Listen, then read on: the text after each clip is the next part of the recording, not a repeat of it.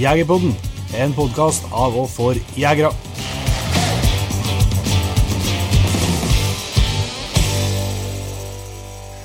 Hjertelig velkommen til en ny episode av Jegerpodden. Endelig er vi i gang igjen, Inge.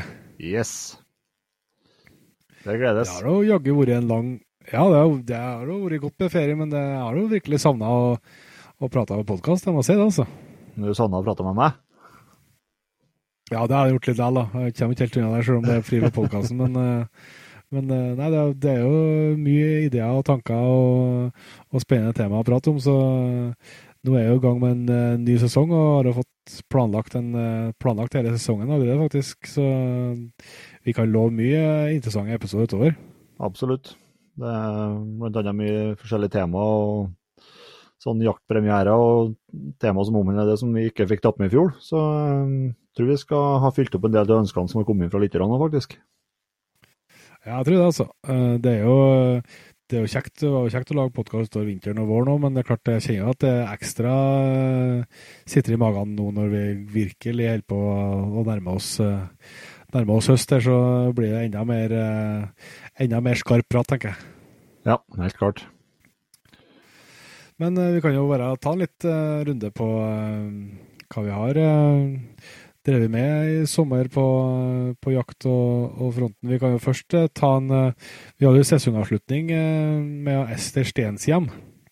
Ja. Som ja, vi syns var en veldig veldig interessant prat. Utrolig eller, mye erfaring å sette med den dama der. Men det ble litt, faktisk litt fyr i teltet av den episoden. Da. Det, det er jo ja, hva skal jeg si, det er jo flere, flere leirer og flere teorier om hvordan man hvordan man får til, får til gode hunder. Og, og alle er på ingen måte enige om hvordan man gjør det. og Det har, det har vært mye engasjement, altså.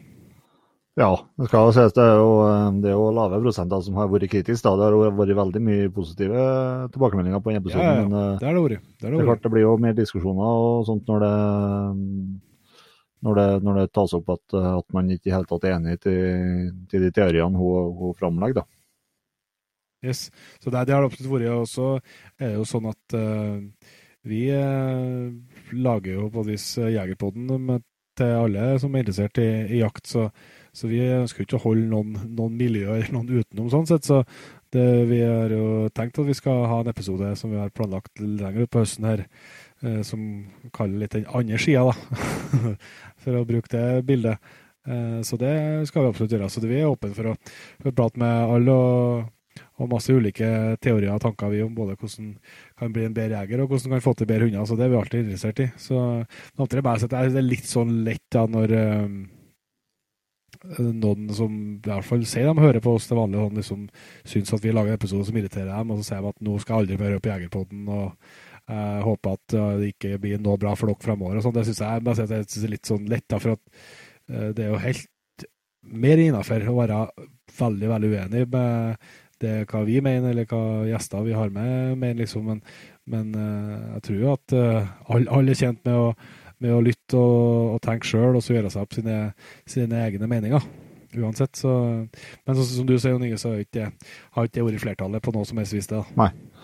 Nei, og det er også Men så er Jeg også, sjøl satt igjen med følelse av det etter den praten der at uh, jeg, jeg, jeg er helt sikker på at uh, for dem som har tid og muligheten til, til, å gjøre det og drive med det, så, så tror jeg dere er en fryktelig bra uh, metode å gjøre på. Uh, men jeg tror ikke det ligger for alle hundeeierne å gjøre på, den, den, måten der. Det, det, det, er ikke for alle, altså. Nei, altså, så er liksom Det som Jeg må bare ærlig innrømme at når en noen som liksom, ja, ville diskutere litt med oss. Sånn, så, så jeg har jo hatt uh, har vel mine hunder nummer hva er det nå? Fem og seks blir det. Eh, så, jeg, så jeg, jeg, har jo så lite erfaring med hund, imot dem som virkelig har med hundeerfaring. Ja, ja. Eh, og, og, ikke minst er det jo både forskjellige raser og forskjellige hundtyper og forskjellige jaktformer. så at, eh, det, at jeg føler at jeg sitter så, så, langt unna en eventuelt fasit at det liksom å si at verden er sånn eller sånn, det er jeg ytterst få tilfeller kapabel til å gjøre. da. Så, så derfor så er jeg litt sånn er litt sånn vanskelig å nødvendigvis komme, komme med gode tilsvar på, på alt. da. Så, men vi, vi gjør et ærlig forsøk, og så er det som, vi, som jeg nevnte, at vi ønsker ikke å holde uh, noen utenom. eller sånn. Vi, vi er interessert i å, i å høre på, på, veldig mye folk som har, har tanker og, og, erfaring med hvordan du, hvordan du, både kan bli bedre jeger og, og bedre hunde, hundeeier. Mm. Så skal jeg gi en liten shout-out til deg, da, Jon Petter, som er den mest farlige av oss og programledere som, eh, som, som, tar tak og, liksom, og, og ringer og prater med folk som, som, uh, som utgjør litt for kvass kritikk. da, og Prater litt med dem og, og tar over telefonen i stedet. Det skal du ha kred for. Ja, det er litt er mulig at jeg er en gammel, gammel mann i en noenlunde ung kropp, men det er et eller annet med at uh, spesielt når når, eh, hvis det er litt sånn kvast, eller at man er, er, på veldig forskjellige kanter, så er min erfaring at det er mye lettere å prate med folk enn å ta det på melding. For det, det er ganske vanskelig å nyansere seg i, i, skreven form. Det er mye enklere når du faktisk kan, eh, kan prate med folk. Så det, det syns jeg det er greit å, greit å gjøre. Men jeg sier takk for det. Eh, men vi skal ikke dvele noe mer med det. Det skjer jo mye jeg vil si at det skjer veldig mye for tida. Vi er jo i ferd med å pakke og ordne til jakt- og fiskedagene. Eh, dere som hører dette når det er helt ferskt, så er jo dem, dem, i, er jo dem i gang. Vi skal nedover dit og egen stand og skal ha med din uh, nyrigga jaktbil, eh, Jon Inge. Ja, det skal vi.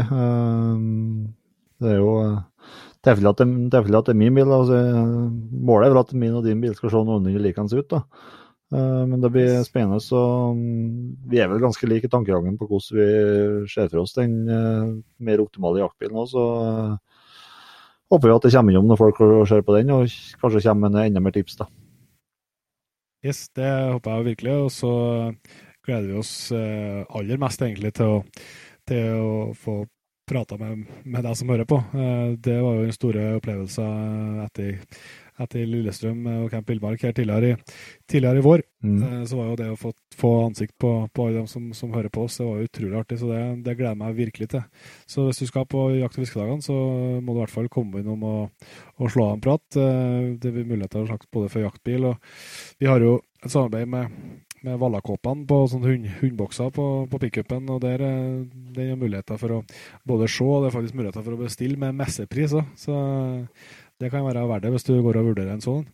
Eh, og så eh, blir det vel mer jaktbilprat eh, framover. Vi har noen spennende nyheter på gang der med, med noe samarbeid som med Holberg og, og Nordvik, som jeg tror kan bli veldig veldig artig for, for flere enn oss. Så det, mm. det, skal vi dele litt mer av framover.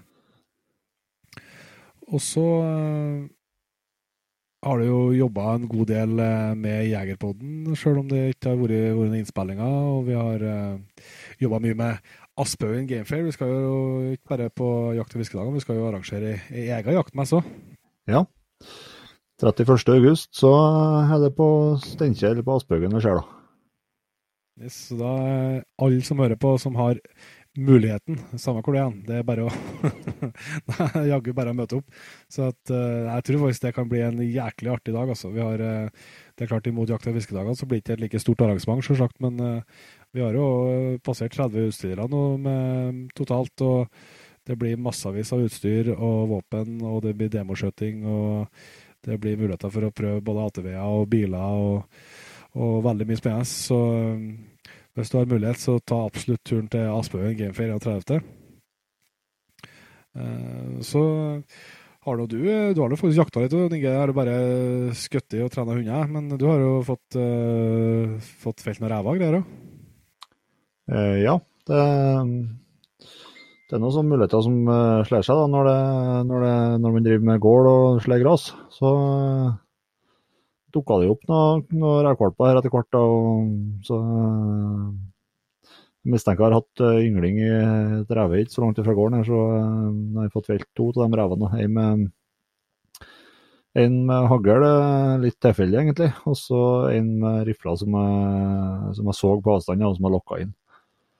Så det var litt godt, det. Og ja, Den ene den var den som var litt tilfeldig. Han for jo stussa inni garden sammen med kopplammene, så, så. Ja, såpass, ja. Ja, han var ikke, det var ikke akkurat noen voksere. Altså, var, han, han antar, jeg tror han, ja, han skulle være veldig sobbing for han hevet seg på lammene, tror jeg. Men, eh, men eh, det var noe eh, det var noen rev, og man er blitt opplært av faren min at man, en rev skal man, skal man aldri slippe forbi. Så det gjorde seg, det. Så ellers er det jo full, full rock'n'roll i hundegården da, med med elleve valper nå, pluss de 300 fra før. De elleve valpene blir jo seks uker nå til helga, og de eh, holder på å kreve sitt. Eh, både med fòring og prøver å ha dem en del ut, ut av hundegården og være litt sammen dem.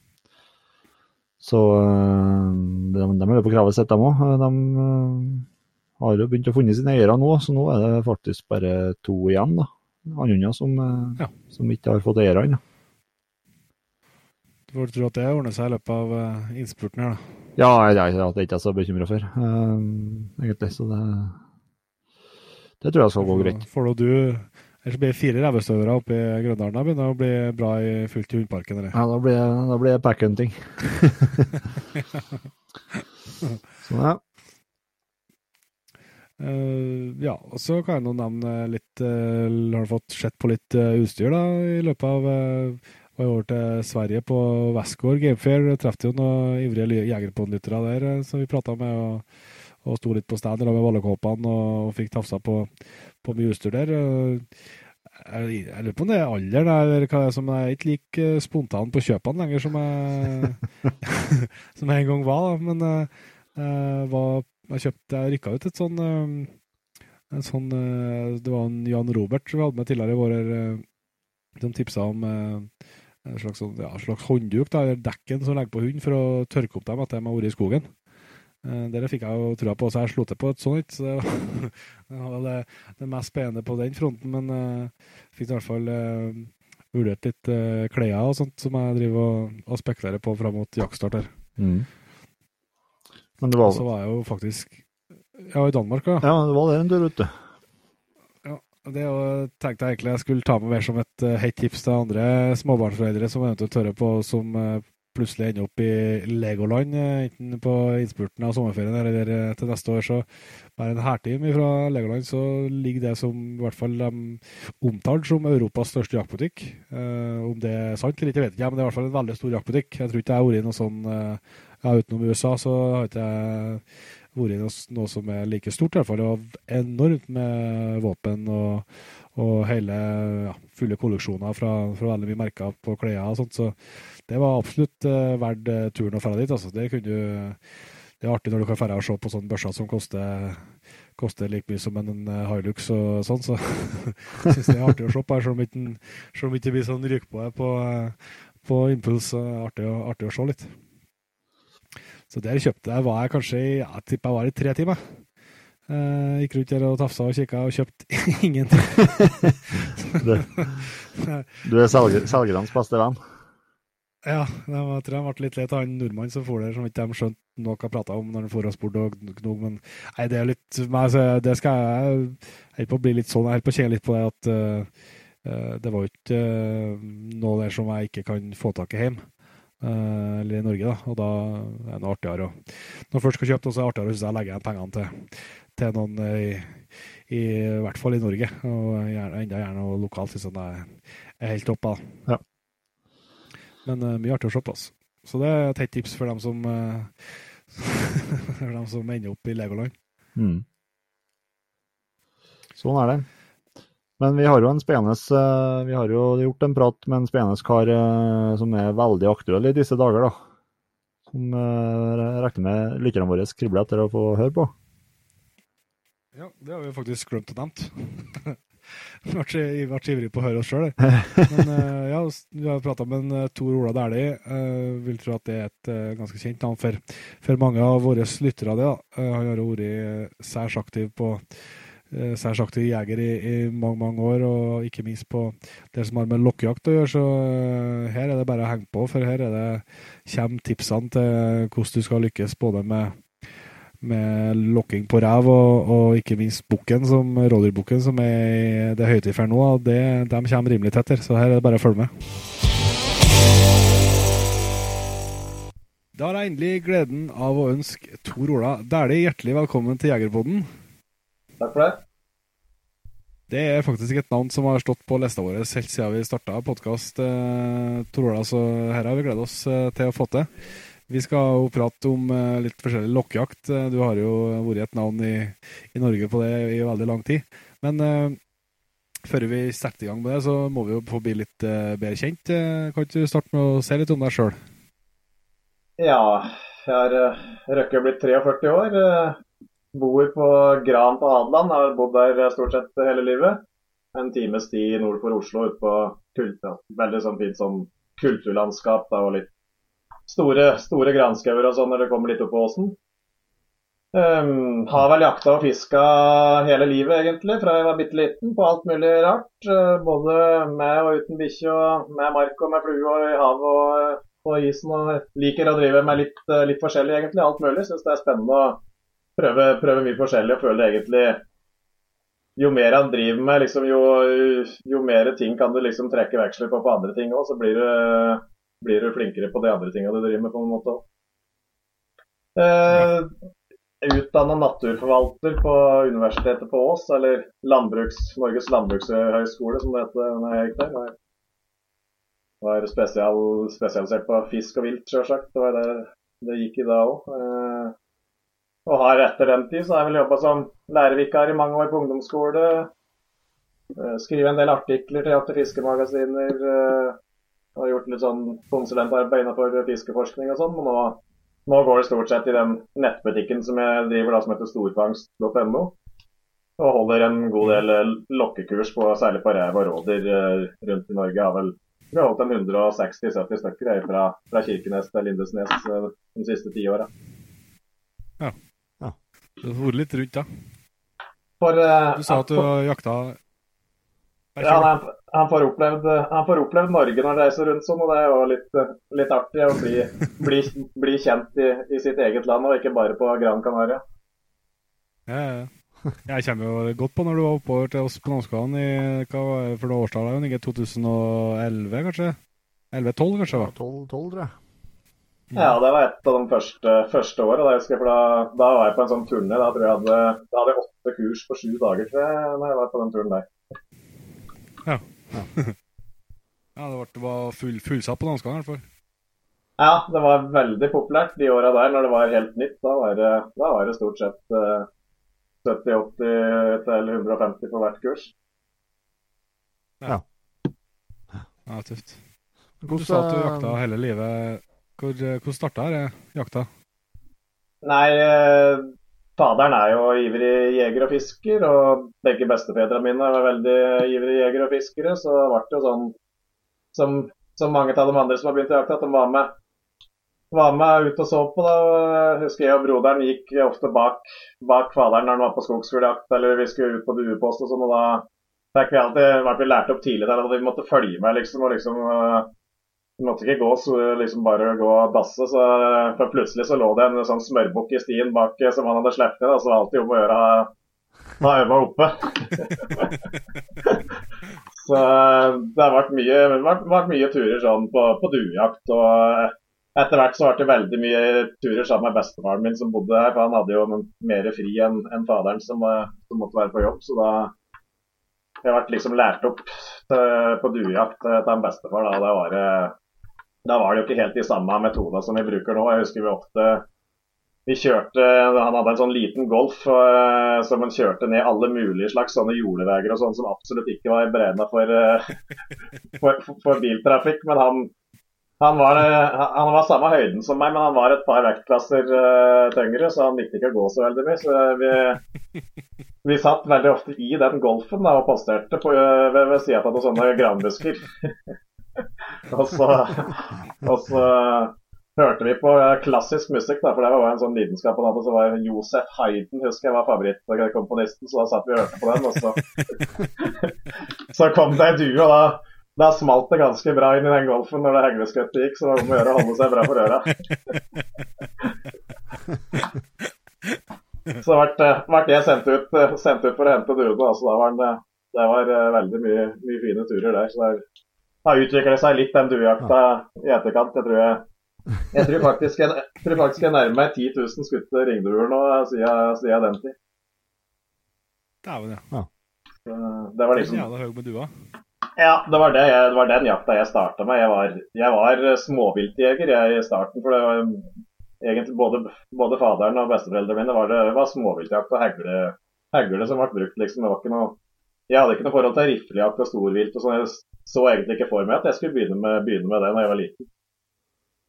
Nei. Så, nei, jeg, jeg hadde jo litt forhold til riflejakt. for det, må innrømme at det var, Jaktlysten var veldig stor da jeg var liten. så Det er klart det var, var lenge å vente til du kunne få jakte sjøl når du bare var med på tur. og På barneskolen så var jo luftbørsa den ble lurt ut noen turer, og det ble skutt i det, jeg, jeg, jeg husker jeg hadde en favorittbjørk som jeg satt og posterte under. og Der kunne jeg sitte flere timer og vente på at det skulle komme gulspurv, husker jeg, oppi den bjørka.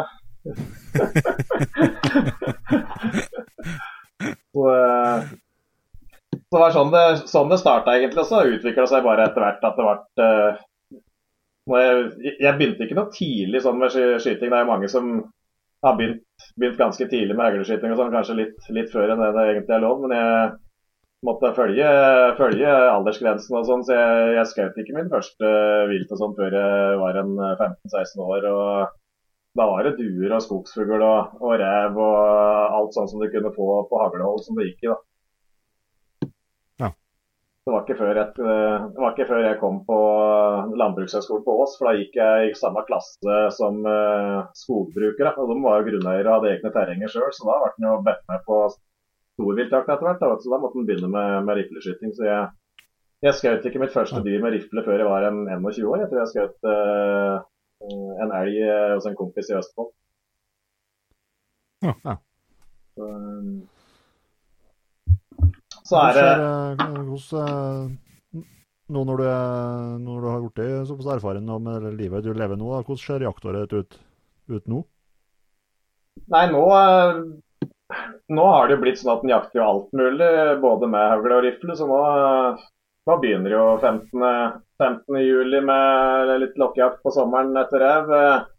Jeg er ikke like ivrig som jeg var eh, i starten de første åra jeg begynte å lokke rev, eh, akkurat på sommeren. for det det er, det er godt å drive med litt andre ting enn jakt òg. På sommeren med fint vær og sånn, så er det jo godt å ta noen turer og ta på noen festivaler og litt båtliv og kose seg litt før, eh, før høstjakta starter for fullt. Så da, men litt lokkejakt på rev blir det. Og så eh, blir det jo bukkejakta den 10. august når den starter. Det er jo den, kan si, den viktigste jakta for meg, kanskje, som betyr aller mest. Og da det er, da det er liksom størst press på seg sjøl for å få tak i de og de bukka, på en måte. Eh, vi skal jo prate mer om den bukkejakta seinere, men uh, ellers er det de åra som har reinskort, så jo, blir jo det da i, i august. Og så er det litt skogsfugljakt i Sverige hvis det er noen gode skogsfuglår. Jeg, jeg syns det er moro med skogsfugljakt, men uh, stort sett så går jeg da på støkk, og da, da er det moro de åra det er virkelig mye fugl. og det er Sånn som i fjor. Da var jeg en tur oppover i Sverige. og På en sånn 10 km strekke som jeg kjørte da, så, så var en 150-200 skogsfugler som, eh, som satt på den 10 km-streken på grusveien. Det var altså Ja, det, var, helt det var bra i fjor, ass. det var helt vanvittig. Og, og på samme mila så så jeg òg to forskjellige bjørner, så det, var det, det var, eh, skjedde litt den kvelden der. Eh, så når den, hvis jeg har vært på skogsfugljakt, så er jo, begynner jo den eh, begynner jo rådyrjakta med bikkje eh, 25.9. Og jeg har ikke, jeg, jeg har, har ikke noen bikkje sjøl, og har aldri hatt bikkje sjøl, men eh, jeg tror ikke det er så mange eh, som jakter eh, flere dager på høsten etter rådyr med bikkje. For det, sånn som med den jobben jeg har, så har jeg jo muligheten til å jakte hver eneste dag. og da det er jo alltid noen som har bikkje som tar seg fri på en mandag, og så er det noen andre som tar seg fri på tirsdag, og så er det en annen som har fri på onsdag, og så er jeg med, og så er jeg med alle dager. Så da blir det, blir det veldig mye rådyr- rådyrjakt med bikkje, det syns jeg er en utrolig sånn behagelig jaktform, for da har du ikke det derre presset som du har hatt på deg sjøl til at du skal skyte det ditt og datt i bukkejakta. Liksom, da kan du bare kose deg, og får du noe, så får du noe, får du ikke noe, så har det vært en bra tur med loser uansett. Så det er en jaktform jeg har vært veldig glad i de siste åra. Ja. Eh, Så blir det jo litt, eh, litt elgjakt og hjortejakt innimellom. Eh, Jeg har ikke noe elgbikkje sjøl, og da det er klart å skyte elg i stålås eh, for, for bikkje, det er jo helt uh, superspennende. Men bare sitte på post mens andre går på losa, syns ikke jeg blir like spennende. Men jeg, jeg syns det er artig å være med noen dager sånn for det sosiale med, med kompiser. bare å, være med, og Det er jo alltid spennende. Elger er jo store dyr, så det, jo, det, blir jo en litt annen feeling når du får en diger elghjort på post enn en, en, en, liten rådyrkilling i los. Mm. Eh, så blir det litt toppjakt på tiur da, når første snøfallet kommer. Da drar vi til Sverige, prøver å utnytte de gode forholdene som var da. og Så kommer det til januar, så er det litt ulvejakt som det har vært de siste åra. Og så er det gaupejakt i februar. og Når skaran kommer i mars, så er det lokkejakt på rev igjen. Så da, da blir, det, blir, det, et eller annet stort sett hele, hele året. Og, og, i tillegg så har jeg vært veldig interessert i, i revejakt med bikkje de siste åra. Så nå er det jo blitt litt sånn at uh, han kan ikke skyte alle rever på lokk lenger. Han må spare noen til, til bikkjejakta. En, en, kompis av meg som har en, uh, fått en, uh, en finskestøver for et par år siden, som er uh, virkelig, virkelig lovende. Så jeg har jo fri hver dag, så det blir jo jeg som får ansvaret for å, for å spore og gjøre forarbeidet der. Så jeg, jeg er ofte ute om morgenen og koster, koster vekk gamle spår, og spåra vi opp igjen uh, seinere på morgenen, så kommer resten av gjengen når de har levert inn unger i barnehagen osv., så, videre, så, er, er, så er spåret klart. så, uh, så, den har jeg lånt ganske mye sjøl, faktisk. Og det, det revejakt med bikkje, det syns jeg er vanvittig spennende. altså det er uh, mye mer spennende faktisk enn rådyrjakt med bikkje. For du, du, kan ikke gjøre noen feil. Du må tenke på hvordan det går på posten. Du kan ikke ja, det blir jo haglehold, og du må liksom uh, Gjør du den minste feilen, så er, det, er du avslørt. Så det, det er reaktform som er en av de artigste reaktformene jeg vet om nå, faktisk. Så han kan ikke han kan ikke drive og skyte, kan ikke drive og skyte drektige tisper i, i mars-april lenger. Han må ha, det, ha litt valper til neste sesong òg. Ha gå på. Ja, det er så ekstremt uh, uforutsigbar jakt, da. Ja, det er, eh, det er, det er sånn alt kan skje. Ja, så er det så liksom det, det, alt det rundt Jeg liker den spåringa, den spenninga med det greiene der. og liksom Når du har vært ute en runde og viska bort spår hvis du ikke har, har nysnø, liksom, og så se om det har dukka opp noe siden du, du, var der for to timer siden. liksom Det blir, det blir jo en egen jakt bare det å jakte på det sporet òg, ikke sant. Så det er utrolig artig. artig. Helt sant. Så jeg har jo, jeg har jo jakta mye bikkjer sjøl om jeg ikke har bikkjer sjøl, så jeg har lånt søksfuglbikkjer og skutt mye skutt mye fugl for det i Sverige. og Jeg låner jo de rådyrbikkjene rundt omkring når, eh, når de har lyst til å trimme dem litt ekstra når de ikke får jakta nok med de som er på jobb. Så det, selv om jeg ikke har bikkjer sjøl, så blir det, blir det mye bikkjejakt. Ja. Du har ikke tenkt å få til hund sjøl, da? Det er klart uh, Ei revebikkje sånn uh, det, det, hadde jeg hatt litt moro av, tror jeg. For det, da kreves det jo ofte litt mye tid, ikke sant? og det har jo jeg til å få ført opp den skikkelig. Men det er det at jeg er så interessert i, i fisking og sånn i tillegg. Så jeg reiser veldig mye rundt på sommeren og, og er borte mye og bor alene. Så det blir liksom den, Det er det at den bikkja blir værende så mye alene at det blir et litt sånn heft uh, resten av året. Ja, skjønner. Så, Men før i skia så henger du her, vet du. Få se når den blir, når den blir, eldre. Få se når den blir eldre. Du venter du, du går rett på harehund? Ja, jeg, jeg syns harejakt Jeg jakta mye hare med bikkje, altså, men da, da, er det ikke å slippe forbi noe harer. Da, da er det forpostering, og det smeller på første runden. Så det er med, med, med, med gode harebikkjer gode, Jeg jakta mye med finskestøver der òg, som jakter på hare. Det, der har vi hatt veldig mye bra, for det er ekstremt bra med hare her, faktisk. Eh, særlig nede i bygda, i de skaukrullene nede i bygda. Så vi, det, er ikke, det, er ikke, lang tid før det er los der. og det, Jeg syns det kan være moro, jeg, men ikke det greiene med å telle losminutter og sånn. Det syns jeg ikke det, det, er ikke noe for meg. Nei, nei. Det høres uh, ut som et uh, Du har rigga deg fint da, med nettbutikk og uh, muligheter til å jakte så, så mye? Ja, jeg jeg visste jo ikke at jeg skulle drive med nettbutikk når jeg gikk, gikk på Ås. Eh, men jeg visste, jeg visste, allerede da at jeg, jeg, jeg, skulle ikke ha noe fast jobb med, med sånn fem uker ferie og sånn i, i, løpet av året. Det, det, det, visste jeg da. Da sa jeg, sa jeg til de klassekameratene mine at jeg kommer ikke til å ha noe fast jobb i, i livet. liksom. Det, det finnes alltid et eller annet du kan klare å finne på hvis du er litt kreativ. og sånn, eh, Om du skriver noen artikler eller om du ja, finne, de begynner med noe guiding eller uh, vikartimer på ungdomsskolen. var det jo det jeg landa ned på, for det var jo veldig fritt og behagelig og, og brukbart betalt, egentlig. Så da kunne du jobbe når du ville og jakte og fiske når, det, når du ville det. Mm. Men uh, nettbutikk er jo det optimale sånn, sånn sett, da, for da har du jo, har du jo fri uh, til å gjøre akkurat det du vil hele tida. Bare kan du jo pakke varer midt på natta eller tidlig om morgenen før du drar ut på jakt, eller sent på kvelden etter du kommer opp fra jakt. og postmannen kommer og tar med seg pakkene dagen etter, så der, eh, da står det ganske fritt. Ja, klart det. Klart det. Men eh, hvordan er det på Du sa at du har ikke hunder, så vi trenger ikke å gå inn noe mer på det. Men eh, hvordan er det på våpenfronten? da? Hva er det, hva er det du tar med deg ut i skogen?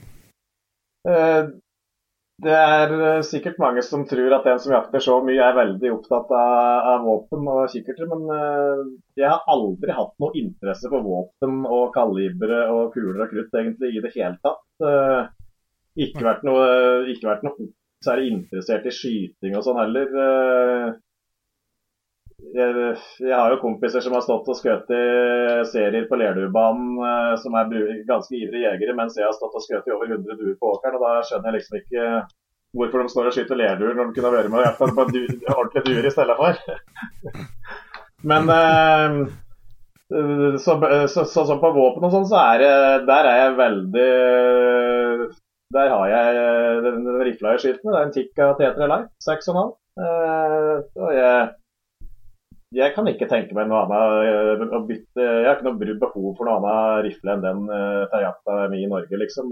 Den kan jeg skyte alt fra rev på lokkejakta til om jeg er med på elgjakt, liksom. Og så har jeg, en, har jeg en bra kikkert på den. da, En Size uh, Dia Range, en sånn avstandsmålekikkert som er kjekk å ha når du, hvis du har rev på litt langt hold og, og ja, fin på toppjakt og all mulig annen jakt òg, egentlig. Men så den jeg ser ikke noen grunn til at jeg skal ha noe, noe dyrere våpen eller noe annet å skyte med enn den. Jeg har òg en Remington 700 3006 eh, med en Swarovski-kikkert på, som jeg bruker når vi er på drivjakt i utlandet. Så er, den, den Swarovski-kikkerten, den Z80-en, den blir brukt tre dager i året, så det er, det er kanskje litt Men eh, jeg ser liksom ikke Jeg er så fornøyd med den avstandsmålerkikkerten på den 16. Det er så godt å ha den avstandsmåleren der, så jeg det er liksom ikke noe poeng å bytte over den kikkerten der. Nei. Så bruker jeg, har jeg beretta Nå har jeg beretta kaliber 12 over og under hagle, eh, som jeg bruker når jeg jakter med hagle. Ja. ja. Da har du det trang?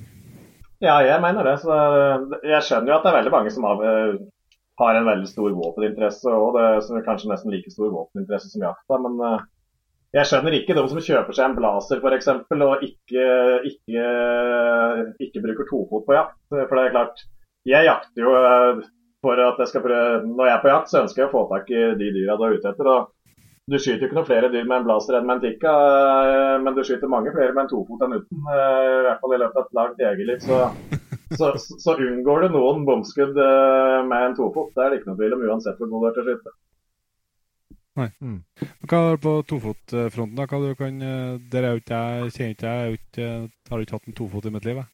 Nei, jeg hadde heller aldri brukt tofot noen gang jeg, før jeg møtte han Ulf Lindroth uh, som jeg lærte den lokkejakta på Renta. Og hadde egentlig aldri tenkt at det, tofot var noe som var noe lettvint å bruke.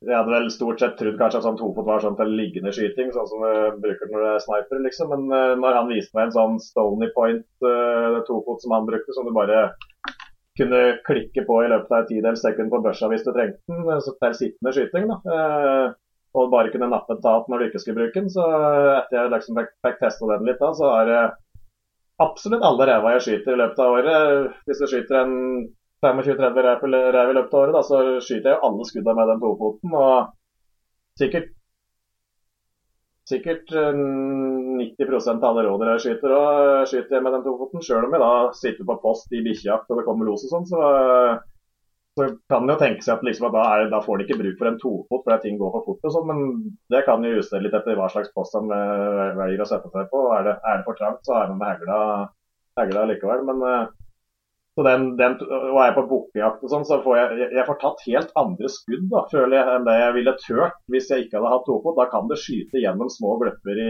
i vegetasjonen som jeg ikke hadde turt å skyte på uh, hvis jeg ikke hadde kunne holdt 100 rolig, da, som jeg gjør med den tofoten. Mm. Ja. Det er klart det er jo forskjellige jaktformer. Som en, som en los, hvis det er uh, løshundjeger på elg, så har du ikke samme behov for Da, da blir det mye stående skyting på kort hold, og det blir jo annerledes. Men, uh, men, det er sikkert litt trening med å lære seg å bruke det. og bli, altså, Det er klart det er komfortabelt når du sitter og sikter, men det er jo som du ser, å lære seg å klikke på den kjapt og, og justere til den posten du har og sånt. da. Mm. Ja, det var det, det var det, jeg trodde var veldig sånn at du kanskje gikk glipp av en del situasjoner da, med tofot. Eh, når ting skjer fort og ting eh, kommer andre, i andre retninger enn det du har satt opp der du sitter og lokker. Men jeg har ikke gått glipp av én eneste rev eh, pga. at uh, jeg ikke har fått uh, skifta posisjon på børsa eller sånt med den tofoten. Så det, så det er, det er pga. hvordan den tofoten er laga. For den er så Den kan du liksom justere så fort opp og ned pga. en sånn gummikobling som er oppe Så du kan vippe børsa opp og ned. Du kan uh, snurre børsa 360 grader rundt på festet. Så jeg, jeg får alltid uh, reven kjapt inn i sikte uh, uansett. Uh, så hvis jeg har glemt at den tofoten når jeg skal ut og lokke rev, så da kjører jeg hjem igjen. For da vet jeg at hvis jeg lokker fram en rev da, som jeg bommer på pga. at jeg ikke har tofoten, så får jeg ikke den reven seinere. For da har, den, da har den lært at dette var ikke så smart. Nei.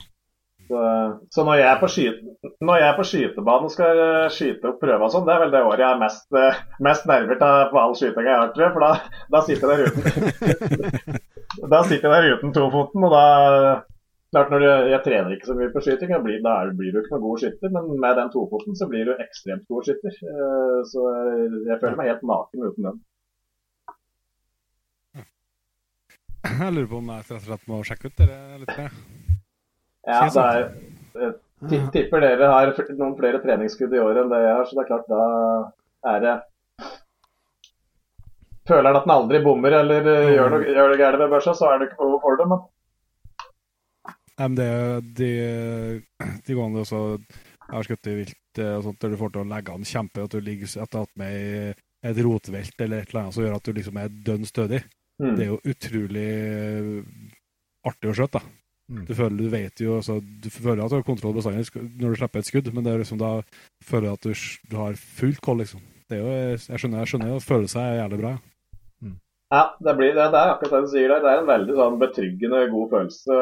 For det er klart, alle, uansett hvor god han er til å skyte, så vil han en eller annen gang kunne gjøre en bommert uh, på et skudd. Og den, den, føler du at det blir veldig, veldig veldig liten sjanse på da når du sitter med en, med en to. Nei, Det er jo uh, lokking vi skal prate om, uh, Trola. og uh, Før vi liksom starter, vi skal innom litt flere jaktformer og sånt. Men hvor Det ser jo litt sånn når du ser på film, og det ser litt sånn magisk og vanskelig ut, det lokkinga? Ja, det, når jeg reiser rundt og holder disse kursene, så er det jo, det er jo veldig mange som, som tenker akkurat det, at, at, dette er, at, dette er, noe som er vanskelig. for det hvis du aldri har blåst i ei fløyte før, sant, så tror du at uh, da tror du at det er veldig viktig at du skal få til en uh, helt spesiell, riktig type lyd. Og når du ikke har prøvd det før, så tror du at det, at det kan være vanskelig. Det har jo prata med folk uh, som skal kjøpe fløyter. ikke sant, De skal ha den letteste fløyta å bruke uansett, for de klarte ikke å få lyd i blokkfløyta på barneskolen og husker det med grus. Og de tror ikke, de tror ikke at de skal klare å få til noen lyder. men men på denne lokkinga her, så er det for det første så er det ikke noe sånn fasitlyd ofte som du skal få til. Så du har veldig stor sånn slingringsmonn på den lyden du driver og lager. Da. Så hvis det f.eks. er en hare som skriker, så låter ikke den helt likt hvis det er en liten hareunge eller er en gammel, stor hare, eller om vi angriper bakfra eller forfra. Så, så vil dette bli ulike typer lyder. så Uh, og så skal det stort sett, i hvert fall når du blokker på reven, så skal det låte så stygt som mulig. Da. Så det er en sånn grei forutsetning for de fleste.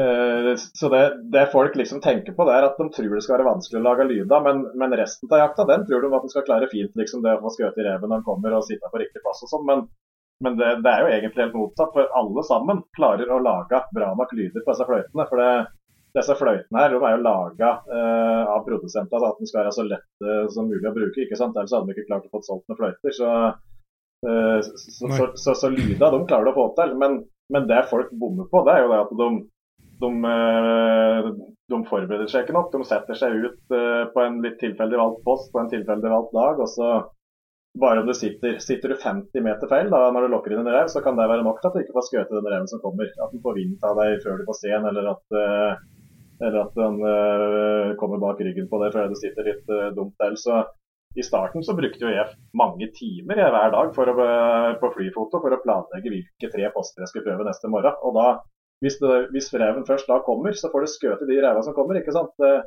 veldig vanlig å prate med folk som er på kurs som har lokka inn mye rev, men de har ikke skutt noe særlig mye rev.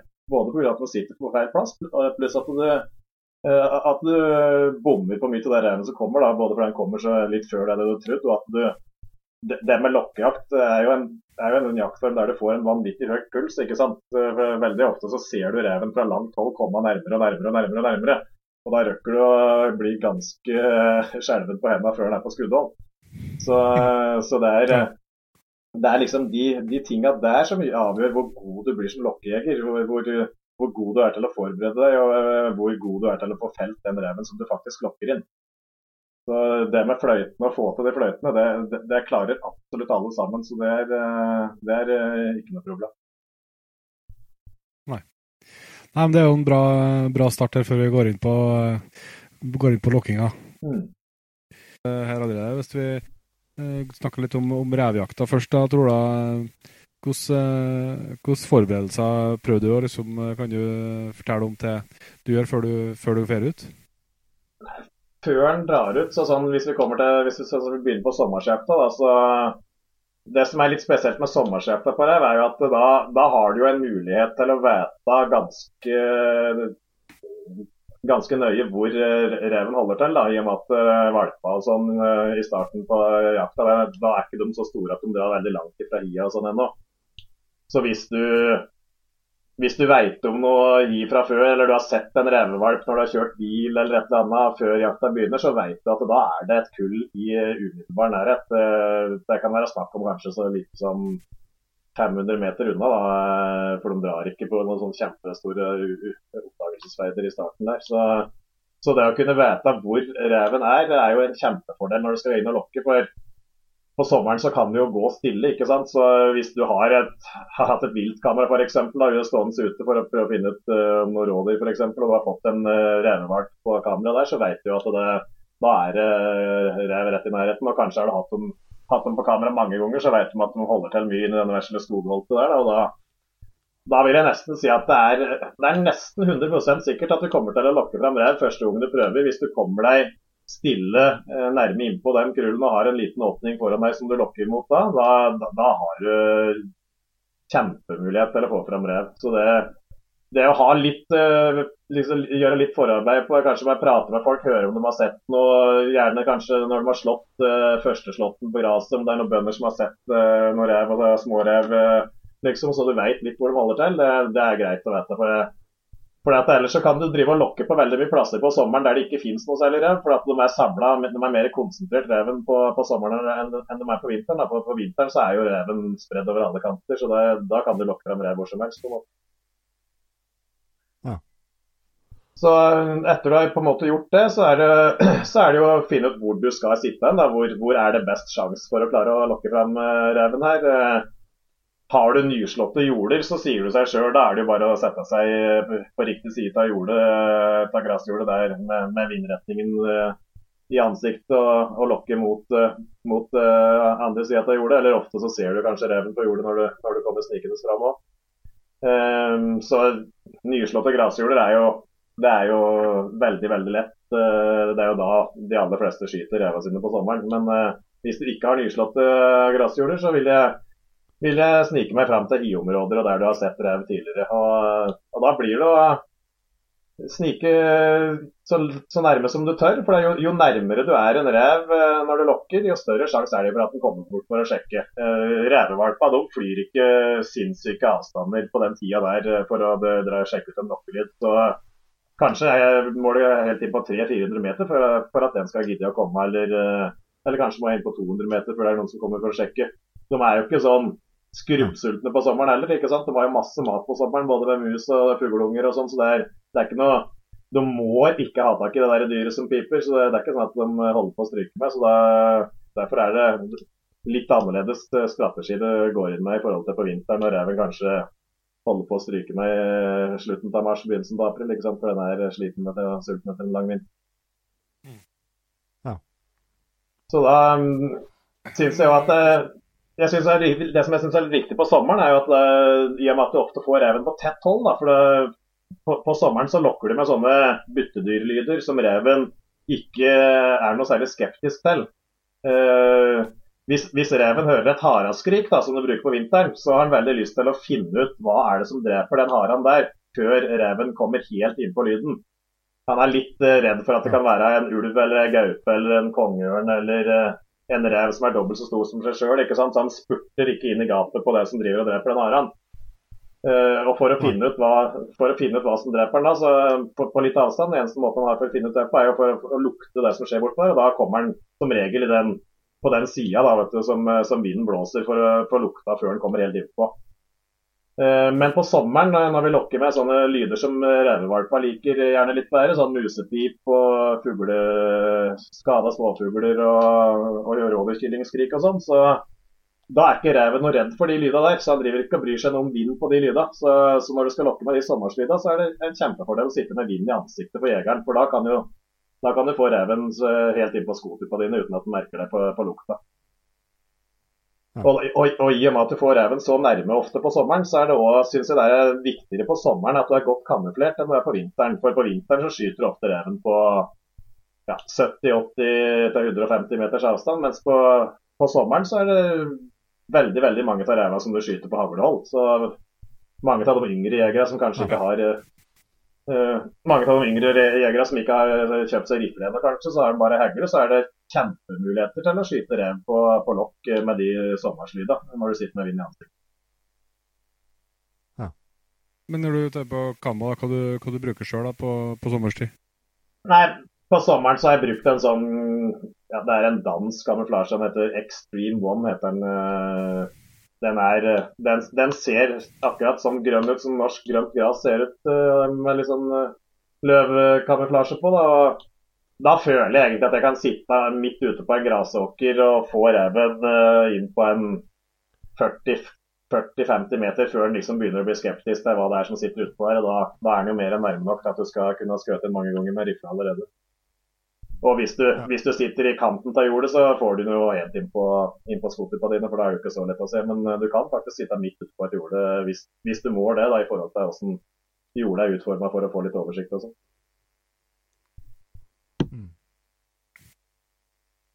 Men eh, du sa på, på, sommeren også, da bruker du Når du kommer på en post, da eh, starter du liksom alltid med, med musepip eh, liksom for å se om de er helt nært, eller liksom for, eller har du noen Hva er taktikken der?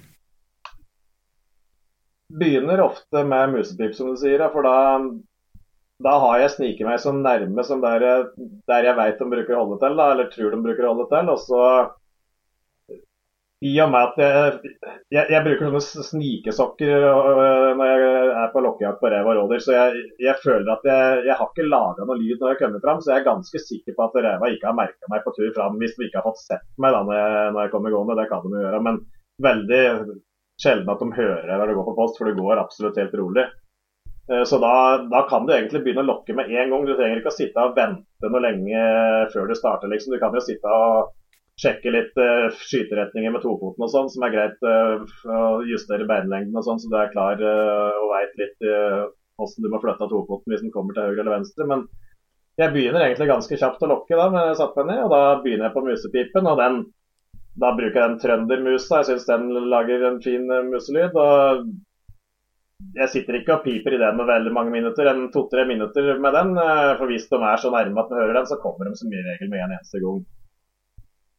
Uh, og Da går jeg bare rett over til en annen lyd. og det, Han trenger ikke ha noen pause før du går over til en annen lyd. Uh, mange som kanskje tenker seg det, og det høres jo litt logisk ut at uh, det burde være en pause mellom de ulike lydene. For det høres litt rart ut hvis det sitter en mus og piper, og så plutselig så sitter en fugl på samme plassen og piper, og så plutselig sitter rådyrkilling og skriker der. ikke sant? Det høres litt rart ut for oss, men Uh, hvis, du, hvis, du, tar og ser på en rev som er ute på et jorde, og så prøver du de ulike lydene og observerer reven samtidig, det, jo, det, får, det får en jo muligheten til ofte, på, særlig når det er nyslåtte jorder. Da, for da får du kanskje se en rev på en 200 meters hold som du gjerne vil ha litt nærmere, f.eks. Uh, og Da er det jo moro å se hva reven gjør når du lokker. og Veldig mange ganger da har jeg begynt med musepipen, så stopper den litt og spisser kanskje litt med øra, og så og så fortsetter den med sitt. Og så begynner den med fuglepipen, og så er det ikke sikkert den bryr seg noe om den i det hele tatt. Og så tar du fram rådyrkillingskriket, og så spretter den til værs, og så styrter den imot deg i full fart. Uh, så, og, og, da har jeg bare bytta rett over fra lyd til lyd uten noe sekunders pause omtrent imellom. Bare tatt opp den andre fløyta og begynt å blåse i den etter å slutte med den andre. Så, så det behøver ikke folk være noe redd for at de skal prøve på ulike, ulike lyder. Mens, eh, mens, andre ganger så har jeg prøvd uh, rådyrkillingskriket, og reven har kanskje stoppa opp og kikka litt og fortsatt med sitt. Og så har det tatt fram uh, trøndermuset, og så har han kommet styrtende på den. Så på sommeren så er det litt mer sånn at uh, hver enkelt rev på en måte må uh, treffes med den type lyden som de blir trigga på. da. Mens, mens, på, mens, på, vinteren så er det da er det mer Da går de i haraskrik som regel. og da er det mer om reven er innafor hørehold og, og, ikke har hørt deg på vei ut av post. Og, om den kommer eller ikke. Da er, ikke, da er det ikke, sånn at du må ta den og den type haraskrik for at den skal komme. Da kommer den som regel hvis den, hvis en er innafor ørehold og, er sulten og, og, ikke har hørt deg. på en måte. Mens på sommeren er den litt mer kresen, for da er, den ikke så sulten. Så da må den liksom trigges litt mer med det som det den er ute etter. Du sa at du brukte sånn uh, sokker når du går ut og poster. Du, hvis du bruker ganske lang tid på, på, å gå bort til posten du skal sitte? Ja, du trenger ikke å bruke så lang tid heller, for med, med de der sokka der og på grasmark og hvis du, De områdene jeg lokker på, så er det jo gjerne enten uh, grasjorder som er slått for uh, noen uker siden, eller uh, veldig mye sånne havninger, sånne kuhavninger, hestehavninger og sånn, der det er kortklipt eller kortbeita gras. Altså der der kan du gå veldig fort uten at du bråker noe. Men eh, er, du går jo ikke så fort uansett, for du følger med for å se om du ser noe rev og sånn på vei til posten. Men uh, sånne snikesokker er helt vanvittig fordel, mener jeg, da, når du skal ut på, på snikjakt på, på, rev og hjort og, og rådyr. Det er, egentlig er det noen sånne vadesko som er laga for å vade i saltvann der det er mye skarpe skjell og sånn. Det er en sånn neoprensokk med sånn tynn gummisåle. Ligner litt på de gamle gymsokka vi hadde i gamle dager, men uh, litt, litt, tjukkere gummisåle og også sånn neoprensokk oppover med glidelås på. og da før så brukte jeg jo bare sokker, og da blir det jo blaut hvis det er vått. Men med disse neopren uh, skosokka her, da, så, så blir du, holder du deg tørr og varm sjøl om, eh, om, det er vått og kaldt. Og jeg bruker dem helt til snøen kommer. for det Utapå dem så har jeg òg en vanlig rankestokk utapå der da, for at det skal bli enda mer demping. og Da, da går du helt lydløst. Jeg, noen mener jo det at sånn som på bukkjakt og sånn, så er det jo greit. Det har ikke noe å si om bukken hører deg, eh, for han kan tro det er en annen bukk. Men eh, stort sett så er det jo, veldig, er det jo en fordel at dyra ikke har hørt deg i det hele tatt. Og det, det, er ikke noe tvil om at du lager mindre lyd med sånne, sånne vadesko som dette der, enn, en å bruke joggesko eller, eller, jaktsko er jo det verste med hard såle. Da, da knekker du og kvister hele tida. Ja. for at du, så klarer du å kjenne kvestene før du knekker dem? liksom? Ja, da kjenner du alt du trår på. Da kjenner du, du kjenner kongler og du kjenner kvister og så det er, eh, du, du, går og føler deg fram eh, hele veien. Det det så der skoa de kjøpte jeg på en nettbutikk i USA. Det var vel Cabelas eller Bass Pro eller noe sånt. Det er veldig fint tips til de som driver mye med smygert. Det, det, funker etter hjorten òg, hvis det ikke er for mye bratte skråninger med mye, mye stein og sånn. Hvis du har litt sånn områder med litt skogsbiljeger og sånn der du driver etter hjorten nå, så er det helt fint å, å bruke den, ikke i de verste fjellterrengene. Ja. Det er jo en eh, Jeg pratet, jeg var på noe jaktmesse så prata jeg med en kar som eh, Han var jobba som eh, ja, hundfører til politiet i, mm. i Sverige, i, i Göteborg. Og han snakka om det med, med lukt og sånn på, på stigjakt og snakka om det på altså, Han har lært, lært mye av hva, hva, dyr er i stand til å lukte gjennom, eh, mange år som hundfører i politiet. Og han snakka om dere, og dere, altså, hvor dramatisk det er bare å knekke en kvist. Altså, det er noe som dyr uh, kan reagere enda mer på, mente han, da, enn uh, en lukta av, liksom, av, av selve fotsporet. Mm. For at de, de, legger merke til liksom, uh, at her har det skjedd noe. Mm. Det kan vare lenge, sånn at de blir ikke nødvendigvis at de blir skremt og springer ifra, men at de blir, de blir oppmerksom på at her er noe galt på gang. Mm. mm. For De legger merke til at den her, den her altså de, ja, det luk, lukta av at noe er, er brutt. da. Noe som ja, er ferskt. Ja, ja, det har jeg ikke tenkt på. Det. Men det, er klart, eh, dyra lever jo ute med de sansene der hele tida, så de har jo et helt annet bilde av det enn, det enn hva vi tenker på. Så det er sikkert, uh, sikkert mulig, det. Ja, mm. jeg var veldig opptatt av det. Han hadde flere sånne små Jeg kjente meg veldig igjen i det. Og sånn, på tur til post og sånn. Jeg, jeg er jo notorisk på at jeg skal hvis jeg skal gå og sitte på en post eller skal opp på en plass, så, så, så, går jeg og drar jeg liksom bladene etter meg. sånn, Drar jeg blad på kjerr og, og, drar med meg en, uh, et gressstol og tygge på og spytte ut. Og, og sånn mm. litt sånn kjedsomhet, liksom. Mm. Når han snakka om det, og det var liksom noe, noe, av det verste du kunne gjøre med den. På å ja. legge på å legge igjen luktspor til, til, dyrene som var i området. Mm. mm. Nei, det er klart alle, alle, sånne små detaljer eh, Det blir i hvert fall ikke noe mindre sjanse eh, for å skyte dyr hvis en, eh, hvis en tenker, på, tenker, på, litt forskjellige ting. Det er jo veldig mange jegere ja. som tenker kanskje veldig lite, egentlig. Da. Og det er klart det blir jo etter hva Det er jo ikke alle som er som som er like seriøse. eller som det, Vi har jo mange forskjellige eh, mål og veining med, med jakta vår. og det, uh, det må jo bare gjøre det som en trives med. liksom, så Noen er jo helt nazi på alt mulig og har, har klærne hengende ute i fjøset i flere uker før de skal ut på jakt. Eller kan ikke, kan ikke pusse tenna kan ikke pusse tennene før du drar på bukkejakt. ikke sant? Og der, der, ja, så så han må jo bare, han må i hvert fall bare gjøre det som han har trua på sjøl, for da blir du en bedre jeger. og Da går du rundt med, med en bedre følelse. For det, jeg, jeg, føler at jeg har en veldig god følelse når jeg går rundt på de sokka og med den der, den der løvkammerdressen. Da føler jeg meg liksom både usynlig eller på en måte da, og at jeg ikke blir hørt. Så da, da, det, da har jeg sånn veldig sånn deilig følelse i kroppen når du sniker rundt. Da. Ja. Så, jeg tror litt sånn altså, ser jeg på på mye sånn posteringsjakt, og så, eller det lagsjakt med poster, så er jo ofte at det er noen poster som skjøt mer i andre. Det er ikke noe tvil om. Eh, selv om skulle, man skulle tro at det, at det var liksom eh, helt vilkårlig hvem som fikk dyrene på post. Mm. Men jeg tror at det er litt sånne ting som, som er med å skille hvem som, eh, hvem som eh, skjøt mye på posten, postene sine, og hvem som, som sjelden lykkes. da. Ja, nei, det er det ikke noe tvil om. Jeg var jo der jeg skjøt den elgen som jeg nevnte så vidt i stad i Østfold, der var, der var jeg jo med en god del år. Det var jo veldig artig veldig artig jakt for en som da bare satt på post, for der var det veldig gode sjanser for postskyttere. For der var det sånn uh, klappjakt på elg. vi var vel en på det, på det, meste så var vi over 50 mann på elglaget. oi, oi. uh, og vi gikk med gule refleksvester. Det, det som gikk drev, da, det var hey, oh, så vi, vi gikk, det, det, er vel ikke noe, det er vel ikke noe dere helt kjenner dere til når det gjelder elghjelp, kanskje?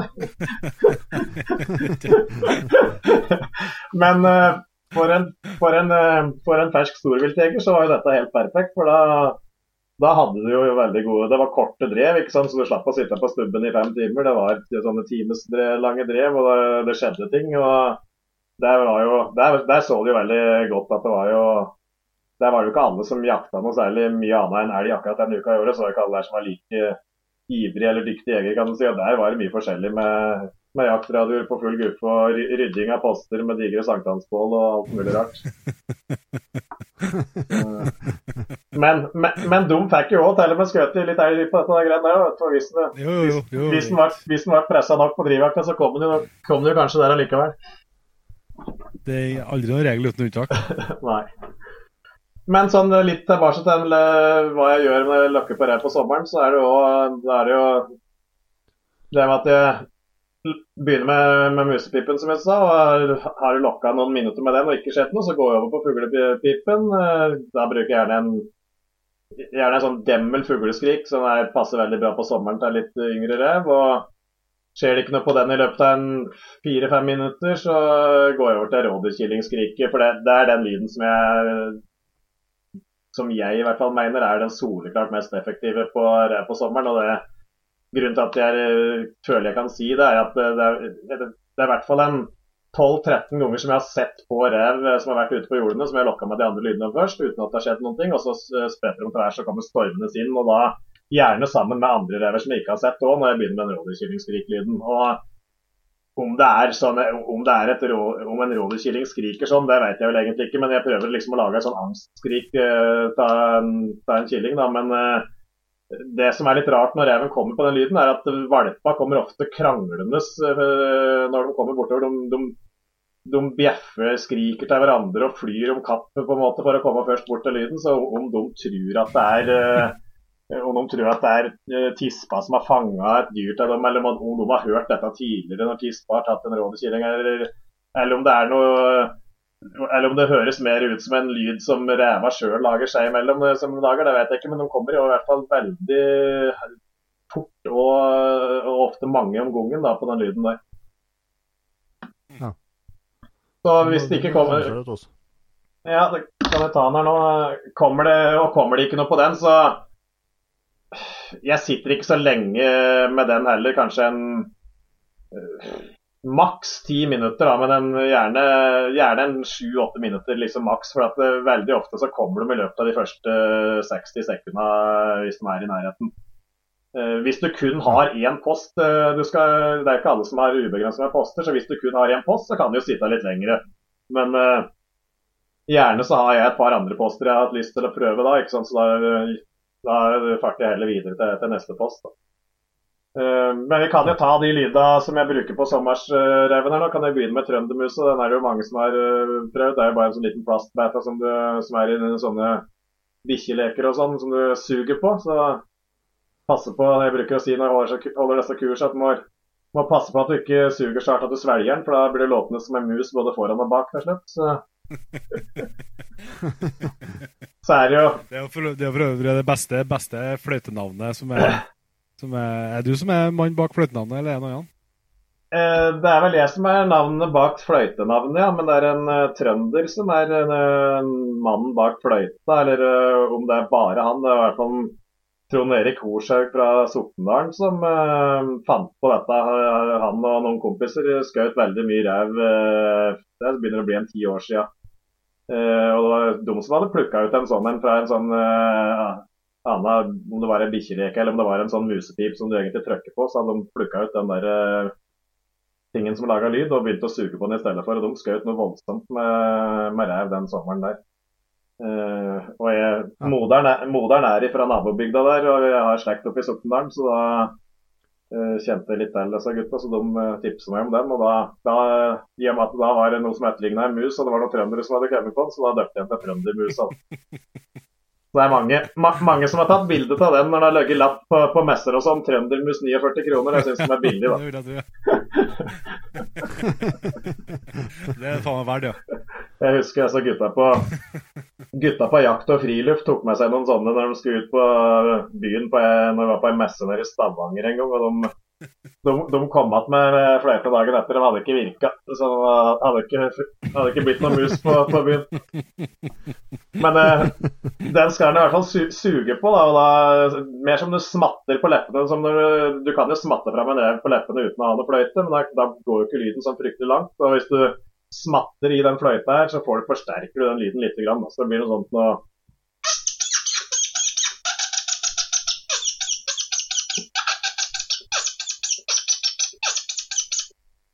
Så det høres ut som en sånn sint, sint gnager som sitter i, i gresset og er uh, eh, forstyrra, på en måte. Uh, den, går, den, går, jo ikke fryktelig langt, men en rev hører den på noen uh, Jeg skutt i rev som vi filma som sto på 260 meter, og den uh, hørte noe med én en eneste jeg begynte med trøndermusa, i hvert fall. Kom inn på 60 meter. Så kanskje de hører den ut på en 300-400 meter, da, hvis det er fine vindforhold. Eh, så går jeg over på den Demmel fuglefløyta. Den låter litt lenger, kanskje en 700-800 meter. Den bare blåser den ut akkurat som, du, akkurat som den skal le i fløyta, på en måte. Sånn at en ler, eh, blåser opp luft fra magen. Veldig mange av disse fløytene så, så, er det greit å liksom styre lufta fra magen. At du ikke blåser opp to store bollekinn liksom, og blåser eh, med lufta du har i munnen. Det blir litt sånn som når du de som har spilt i musikkorps og spiller på kornett og trompet og forskjellig sånn, så bruker de liksom lufta de har i magen, for da kan du kontrollere lydene på en litt annen måte. Og I tillegg så får du mye mindre spytt inn i fløytene hvis du blåser opp luft fra magen i stedet for å blåse liksom, all den luften som du har i, i munnen. Da. Eh, så jeg kan blåse på den her nå, så blir det sånn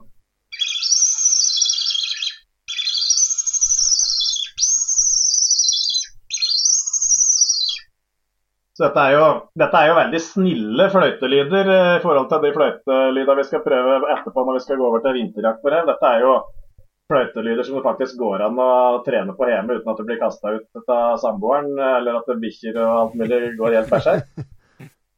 Uh, og det, gjør, det er også litt av den som vi sa i stad, det med at reven Dette er ikke lyder som reven blir noe voldsomt skeptisk til når han hører. Uh, når reven hører en av disse sommerslydene, som jeg kaller det, så så kommer han gjerne stormende imot lyden ifra der han er når han hører lyden. Da tar han raskeste veien rett imot lyden, og ofte i en vanvittig fart.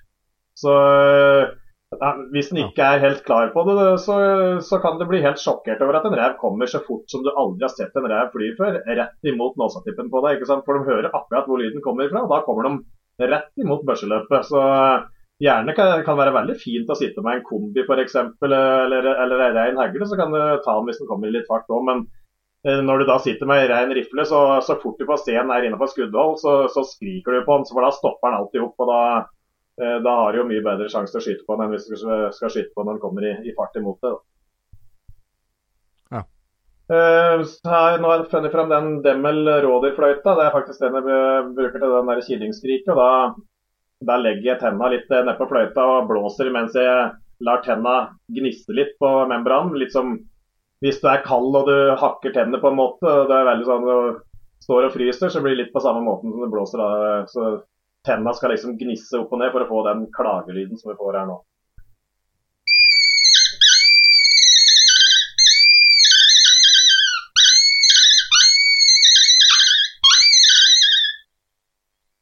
Um, den må i hvert fall ligne litt på rådyrkyllinglyder. For at veldig veldig ofte så kommer det jo rådyrgeiterstyrtene som er helt uh, forstyrra.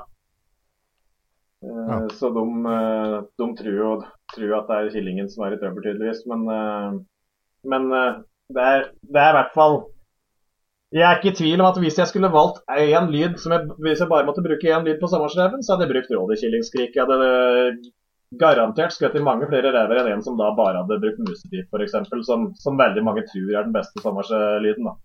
Mus, mus, er den beste lyden mus er den beste lyden hvis en rev får høre den, men i og med at den ikke går langt nok, eh, gjerne, så, så er den killingskriket den er, er bedre. Og, og sjøl om jeg har hørt muselyden mange ganger, så kommer den jo på rådyrkillingskriken. Så det, det, er et tips hvis det er folk som har lyst til å skyte så mye rev som mulig på sommeren, så prøv rådyrkillingskriket. Hvor, hvor stor forskjell tror du det er sånn i områdene eh, sånn opp til oss, Jon Inge, så, så er jo ikke så mye rådyr. Nei. Eh, hvor, altså, der, altså, det er liksom Vi har sju rådyr i kommunen. Mm. Eh, hvor, hva tror du tenker du, så, Hvor stor forskjell er det på, på det, tror du? Jeg veit jo ikke, men det er mange som spør om det der. Eh, det gjelder jo andre typer lyder òg. Veldig mange, for Noen plasser i Norge så er det jo ikke hara, f.eks.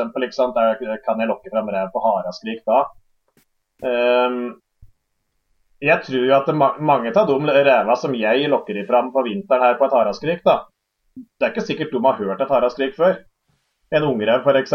som vokser opp, er ikke sikkert den har tatt en hara sjøl og har hørt en hara skrike før, før, første gang den kommer på fløyta. Så jeg, jeg, tror dette er lyder som, som, de instinktivt reagerer på. og sånn rådyrkillingskrik, om det er en eh, om det er en liten kaninunge eller haraunge eller uh, rådyrkilling Jeg tror de bare liksom oppfatter at dette er et liten, tynn pipelyd. Det, dette er ikke noe stort dyr. Dette er en, liksom, noe de har eh, kan ha sjanse til å få tak i. Da. Så det, det, tror jeg faktisk fungerer like bra om det er, uh, om det er noen rådyr der i det hele tatt eller ikke.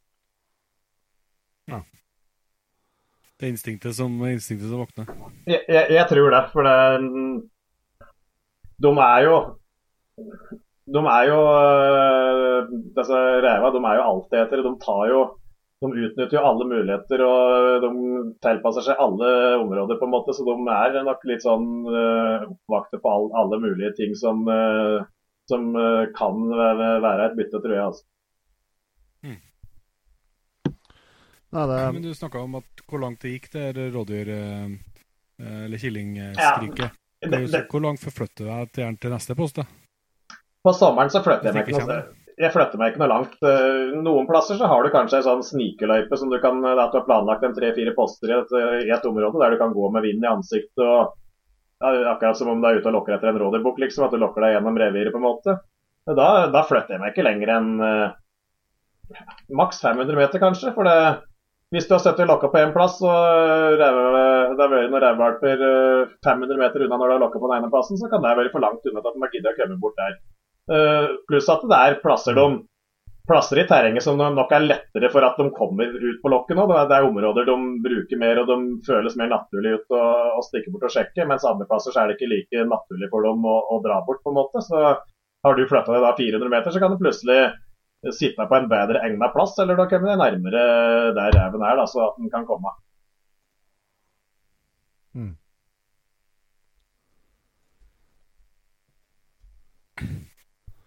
Hvordan er det på er det, det er morgen og kveld du holder på, eller er det Ja, på sommeren, på hele dagen?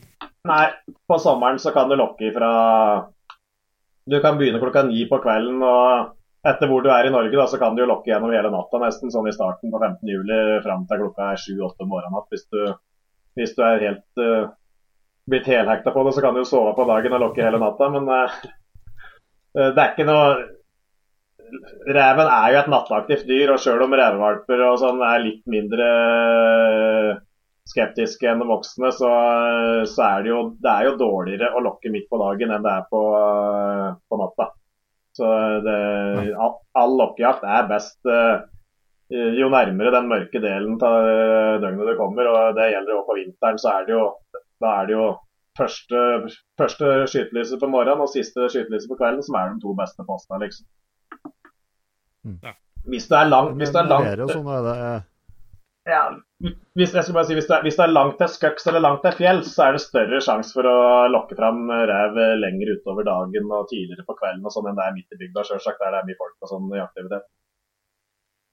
Ja. Uh, vær- uh, På sommeren så syns jeg det er veldig fint hvis det er vindstille, for da kan, uh, da kan jeg få reven eh, tett innpå meg fra alle kanter. Sjøl om, selv om da reven kommer bak ryggen på meg, eh, så kan jeg ha en sjanse til å få tak i den hvis jeg tilfeldigvis snur meg akkurat da og får se med eh, bak ryggen på meg. Mens eh, hvis det er veldig sterk vind, så, så blir jo lokkelyden borte veldig fort. Det blir mye lyd i blader og alt mulig sånn. Så sterk vind liker jeg ikke på sommeren. Og så liker jeg jo ikke styrtregn og høljregn og sånn. Syns jeg ikke er noe særlig. Jeg liker best hvis det er tørt og stille og oppholdsvær. Om det er sånn varmt sånn som det har vært Ja. nå, så har ikke det så mye å si hvis du er ute eh, tidlig om morgenen eh, sånn tre-fire på natta. Så da er jo dyra veldig aktive i, i den kaldeste delen av døgnet. Da, så da er det eks- ekstra gode muligheter.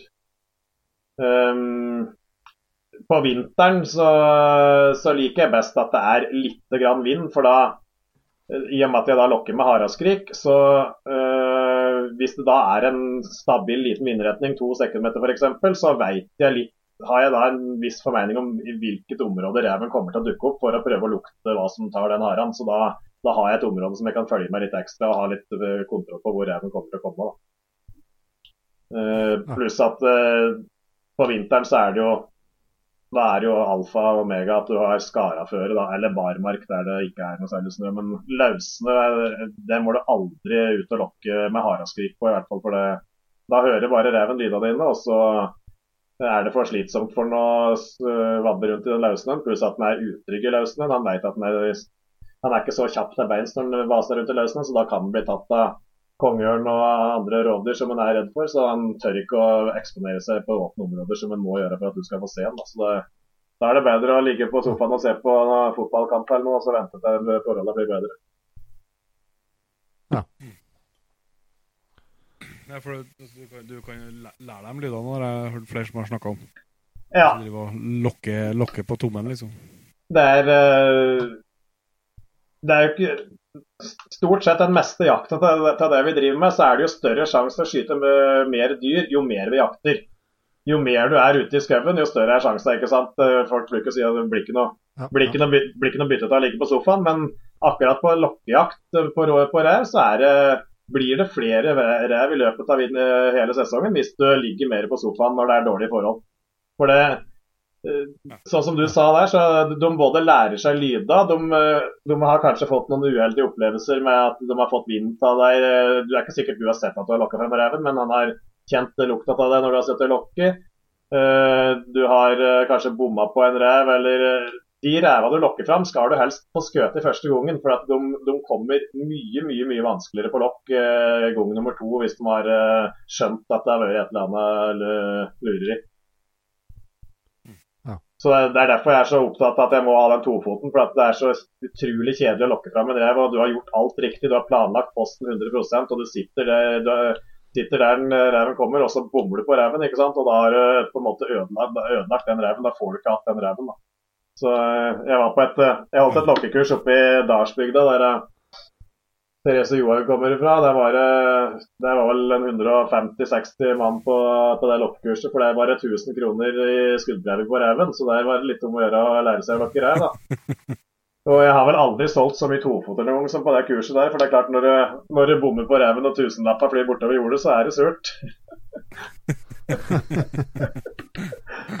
så, så, så han, de fleste som ikke bruker tofot, når de liksom har mange må, er jo litt vanskelig å overbevise, men liksom når du har fått uh, oppleve den, den, smerten det er da, å, å bomme, bomme, et par ganger uh, liksom i en sånn utrolig spennende situasjon som en lockout-situasjon er, da, så er det lettere å kanskje tenke at en må uh, se åssen det er å bruke en tofot neste gang. Ja. ja. Nå har vi vært innom ganske mye på, på det som har med reven å gjøre. Tror du, du har noen mer du ønsker vi skal Burde ja, kan... før, vi, før, vi, går videre? Nei, Jeg kan jo si kjapt uh, Nå har vi prata mest om sommeren, i og med at det er sommersjakta det, det, går i nå. Det er jo lenge til vinteren. Men uh, hvis en skal lokke på vinteren, så blir det helt andre forutsetninger enn det vi har prata på nå. For da er det, da er det haraskrik det går i. Uh, da er det lyder som går fryktelig langt. lyder som er stygge og brutale lyder som kan kanskje lokke inn en rev fra opp i to kilometers hold hvis du har ei fløyte som går langt. Eh, da vil reven komme på den sida som vinden blåser, så da må vi sitte med vinden i ryggen eller eh, fra sida. Eller i hvert fall, vi må i hvert fall ha oversikt i det området der reven, eh, der vinden blåser, sånn at reven ikke har sjanse til å få lukta av oss før vi har klart å få sett reven og skutt inn. Da blir det lokke kun på gode forhold. Jeg venter gjerne til ut i mars når skaran kommer.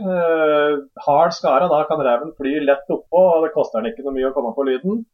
Eh, jo lengre ut i mars eh, mot jaktslutt du kommer, eh, så er jo mer sulten er reven. Og jo lettere er det for at den kommer på, på lyden. Men jeg har lagt merke til det de siste åra at det er utrolig viktig at reven ikke har hørt meg på vei ut av post. Og det er jo vanskelig når du venter på skaraføre, for skara der bråker.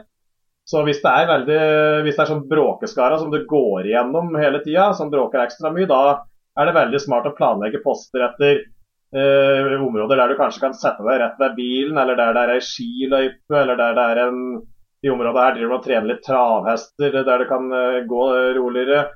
Alle sånne muligheter for å slippe å gå og bråke. For at har reven hørt deg, og reven hører deg på over 500 meter når du går på skaraen, ikke sant. Og da den reven som er nærmest deg sjøl når du begynner å lokke, det er den som er lettest å få inn på lokk. Men det er jo den som hører deg først når du, når du går ut òg. Så jeg ser at de gangene jeg har kommet med på post lydløst på Skaran, kanskje pga. at det har kommet litt nysende oppfall et eller annet, da har jeg mye bedre uttelling enn de gangene som jeg har bråka for å komme til en veldig god post. Så eh, for de som har tenkt å prøve seg til vinteren, så er det Da er det Planlegg nøye, finn riktige poster der du har god oversikt, så reven ikke har sjanse til å komme deg på eh, deg før du skal skyte på den. Og lokk kun under gode forhold. Vi kan jo bare ta et kjapt uh, blås i de, et par fløyter på hareskrik før vi går videre. Uh, da kan vi ta en sånn helt standard harefløyte som Red River Bandit. Det er et helt vanlig hareskrik.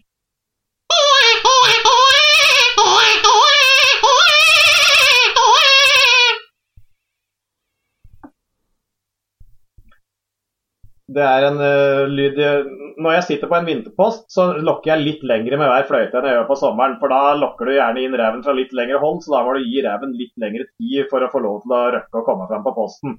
Så da sitter jeg kanskje en åtte-ti minutter med, med, hver lyd. Jeg, jeg, begynner som regel med denne lyden jeg skal blåse nå. Det er en litt mer sånn desperat, skjærende, fæl lyd uh, som jeg lager på en fløyte som heter Red River Allround. Den det er den lyden jeg har som er best for å lokke fram skjærer, hvis det er noen som er interessert i å lokke på det. Så kan du høre den her nå.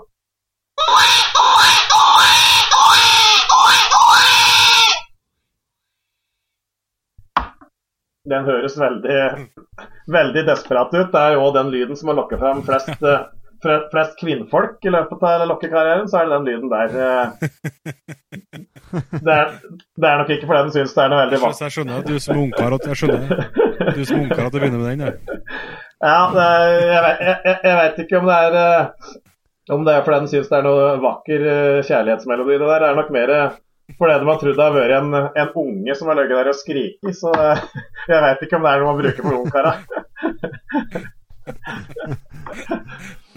Men uh, de to fløytene der er de jeg bruker på vinteren. og Da er det uh, sju-åtte-ti minutter på hver post uh, før jeg da drar videre. og da, da drar jeg mye lenger unna enn jeg gjør på sommersposten. På en sommerspost så holder jeg meg 500 meter, for da har du fløyter som ikke går så langt. Og reven vil ikke bevege seg så langt. Mens på vinteren så er reven villig til å komme langt på lokken, og lokken går kanskje et par kilometer, så da er det greit å flytte seg en halvannen til to kilometer før du prøver på en ny post. Bruker du, de, eh, bruker du noe, de smygsokkene bruker du dem nede på vinteren òg, eller? Nei, på vinteren så bruker jeg det, Da bruker jeg stort sett sånne pilkesko eller snø, sånne sko som du bruker når du kjører snøscooter. Veldig sånn mjuk, Det er ganske mjuk, mjuk gummisåle på dem. De låter mye mindre på skaraen enn ja, ja. en alfa, alfa jaktskoene mine gjør. Ja. Stemmer, stemmer. Det er jo eh, virkelig, for dem som hører på dagen det kommer ut, så er det jo, er jo bukkejaktpremieren i morgen. så uh, Men uh, vi skal, før vi liksom uh, går all in på, på bukkejakta, så vi skulle, det, er jo noe, det er jo flere lokkejaktformer som, som er interessante, både for at de er tilgjengelige og spennende. Og så kanskje jeg er ikke så godt kjent. Du har prøvd deg litt på, på lokking på, på kråkefugl òg, tror du? Hvordan, hvordan funker det? Ja, eh, Det er ikke noe jeg driver mye med, men jeg, jeg driver litt med det både på, på kråkeravn og, og skjære og nøtteskrike. Det er jo de fire kråkefuglene vi har. og um, Det er jo ikke det, det, det, er ikke noe Hvis du tar med deg en, en kråkelokk da, som lager, kan blåse i den her, den bare lager vanlige kråkelyder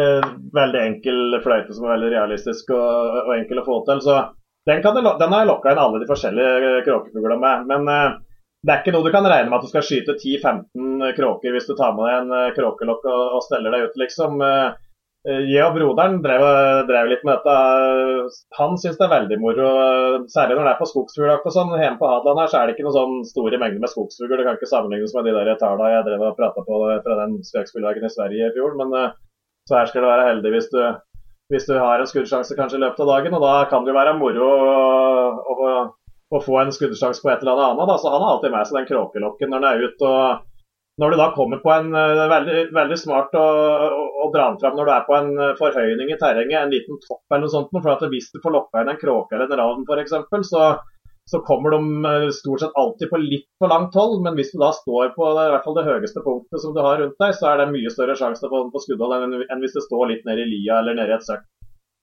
Uh, og så er det veld, veldig avgjørende å være godt kamuflert, uh, for kråkefugler er faktisk uh, de som avslører deg oftest. Ta alt som jeg har jakta på. Det, det, er verre enn ulv og rådyr og alt mulig annet. De, de, ser ekstremt godt, og de er ekstremt smarte og lærer fort. og sånn, så Han er nødt til å stå godt kamuflert, og han må ikke bevege børsa i det hele tatt før, uh, før du har uh, fuglen på skuddhold. Men da kan du, da kan du skyte en, kanskje en tre-fire kråker eller sånt noe, uh, når du, på en plass, og så da har de skjønt lunta der. Så må du kanskje dra den fram at når det har gått et stykke videre, eller om du, eller om du tar en dag der i bygda bare og kjører rundt Eh, om du, har, om du er i mopedalderen eller om du har bil, men om du bare kjører en, eh, en kilometer til en annen plass og steller. Så. Det er dette, dette er jo morsom jakt. Han tenker jo Vi har jo jakta mye forskjellig, alle, alle, vi som sitter her nå. Men vi, vi var jo 16-åringer en gang, vi òg. Det, det, å kunne få skyte en to-tre kråker og sånn, det, det, det, betyr jo litt, litt mer for en, for en ny fersk jeger og sånn. Så det, du kan ha veldig mange spennende jaktopplevelser med dette. Dette er jo fugler som, som varsler at de kommer. ikke sant? Når en nøtteskriker er på tur inn på kråkelokken, så driver han jo og skriker, og du hører han kommer nærmere og nærmere. og han, Du får se han liksom så vidt innimellom buskaset, han sitter på en, på en grein der, og så neste gang han flyr, så setter han seg nærmere. så det er jo det er jo absolutt spennende jakt. Jeg, jeg, jeg noen øh, nøtteskriker på dette og syns det har vært moro, moro sjøl. Så så, men du kan ikke forvente at du skal skyte 10-15 uh, eh, fugler på hver plass. Da må du fram med uh, lokkefugler, sånn som en hubro eller lokkekråker på, på, en åker der de eh, driver og gjeter på, på spillkønn og sånn. Da kan du skyte flere fugler på, på en plass sammen med, sammen med fløyta. Ja. ja. Jeg ser du har jo på til ender, da. Det er jo jeg har skutt en ender opp igjennom. Det har jo stort sett vært på, på fuglejakt. Jeg har snubla over noen i, i et siv. Eh, men eh, har du prøvd deg nå på, prøv, på lokkejakt på and, eller? Eh, den andjakta jeg driver stort sett meg sjøl, er sånn som du sier, litt sånn snuble over. Eller jeg dreiv litt med litt spesiell At jeg drev litt spesifikt med andjakt når jeg kjørte moped, husker jeg. For da, da var det da gikk det mest i snikjakt, for jeg visste plasser der eh, endene satte seg inn på, på grusbanker og sånn. Eh, og, og det er noen sånne små gardsbytter og sånn, der du liksom kunne snike deg inn og få skutt ei eller to. Eller jeg satt og posterte på sånne utstikkere, tanger og sånn, der de fløy over når de skulle opp på jorda og sånn. Men uh, det er liksom ikke så mye sånn egna områder for, for lokkefuglejakt og sånn på ender her. For det er, det er, ikke noen områder de trekker jevnlig forbi der du kan lokke inn ender som flyr forbi. Da må du mer nede i området langs kysten, nede på, på Jæren og nedover på Østfoldskysten. og plasser der det, eller langs Glommavassdraget der det flyr ender opp og ned elva uh, jevnt og trutt. Da. Da, uh, da, har du gode muligheter til å lokke inn særlig stokkender. Stokkender er veldig, veldig De responderer veldig lett på, på lokkelyd. og på andre å slå seg ned der de ser andre ender ligger. da, Forhåpentligvis dine lokkeender. da, så vi kan jo høre sånn stokkanlokk jeg har her. Nå kan vi dra lyden på den først.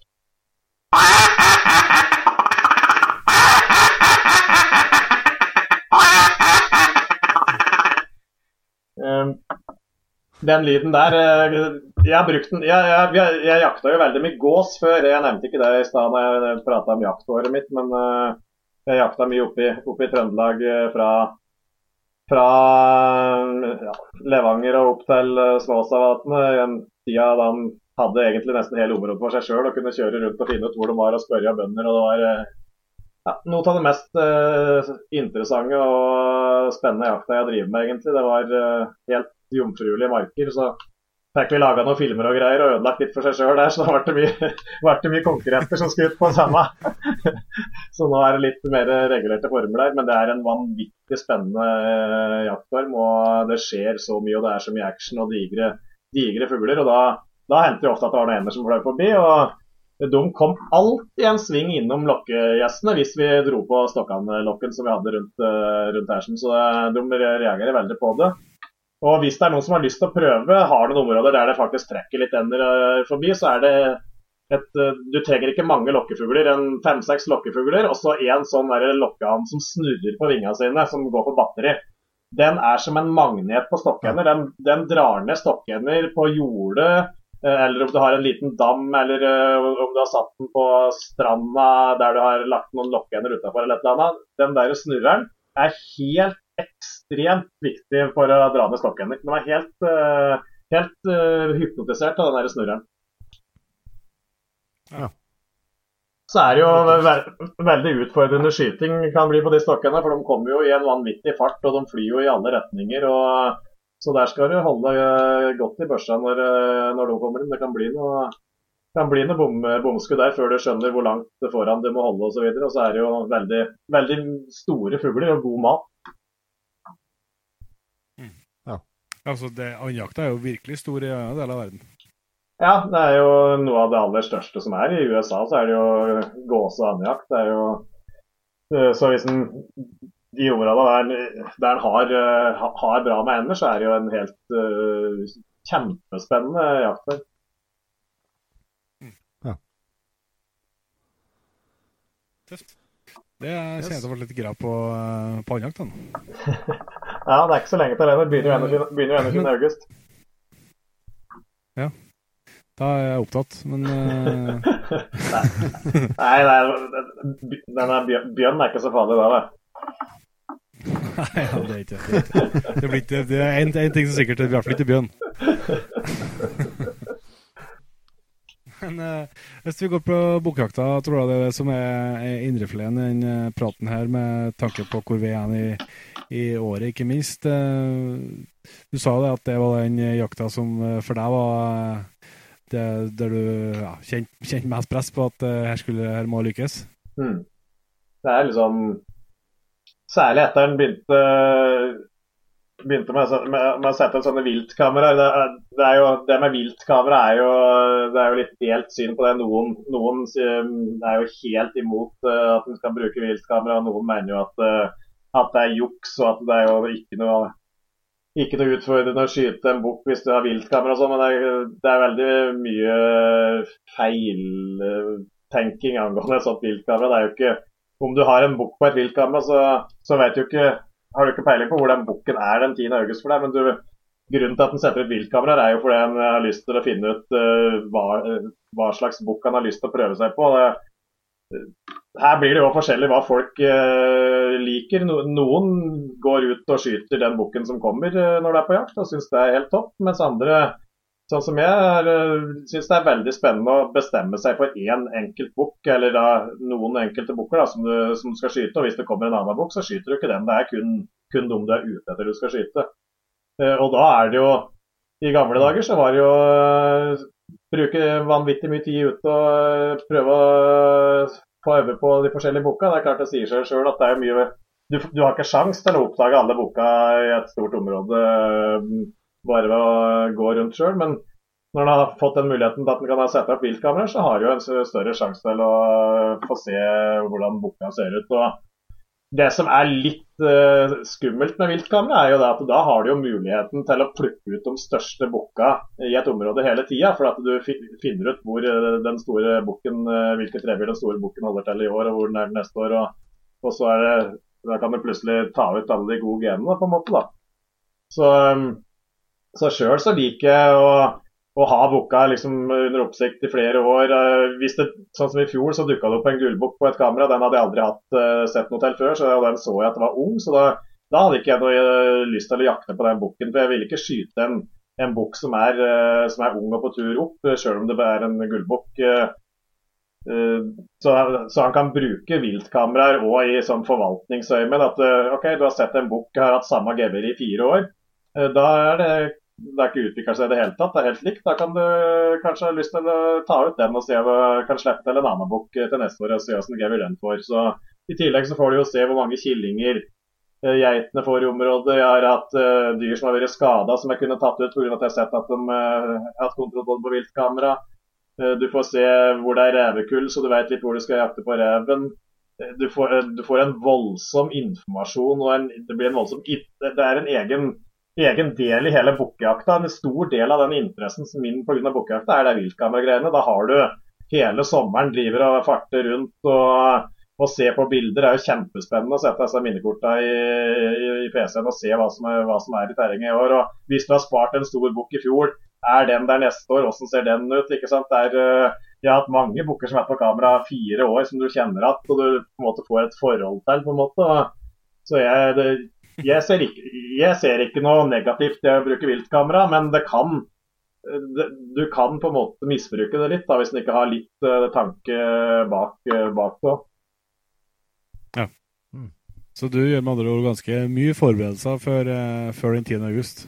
Ja, det blir da, du, er, du er ute hele sommeren og driver med disse kameraene. og det blir noe det blir jo mange, mange mange 10 000 bilder i løpet av som du skal klikke deg gjennom. Så de dagene som du sanker inn flest viltkamera og har fått mye bilder, så ta samme, samme geita som har kanskje stått der med kyllinga sin, eller og, og, så, så, så, kan du sitte og klikke på datamaskina i fem-seks timer for å klikke deg gjennom alle bildene. så, og da er det liksom litt moro. Men når du har andre kompiser som er like ivrige, og så deler en bilder, og det blir en helt sånn egen greie, og, og da har du det som du nevnte på med det presset, ikke sant. Når du da når du da plutselig får se en, en, om det er en kjempestor bukk, eller om det er en rar bukk, eller eh, liksom noe som du virkelig eh, kunne tenke deg å, få, få jakta på og få tak i, så, så, så, legger du på en måte et press på deg eh, som du da som, det, som blir veldig stort gjennom sesongen, da, når du følger denne bukken på kamera. og Plutselig er den borte i tre uker, og så er du livredd for at den er blitt påkjørt eller et eller annet har skjedd, ikke sant? og så dukker den endelig opp igjen. Så det blir en, du, du, får mye mer spenning ut av hele jakta pga. det der, i hvert fall syns jeg. det. Ja. Så du er på fornavn med stort sett alle. Du, jo, du har jo en uh, par vegger bak deg her som er fylt med bukkegevir, så du er på fornavn med flest av dem, eller?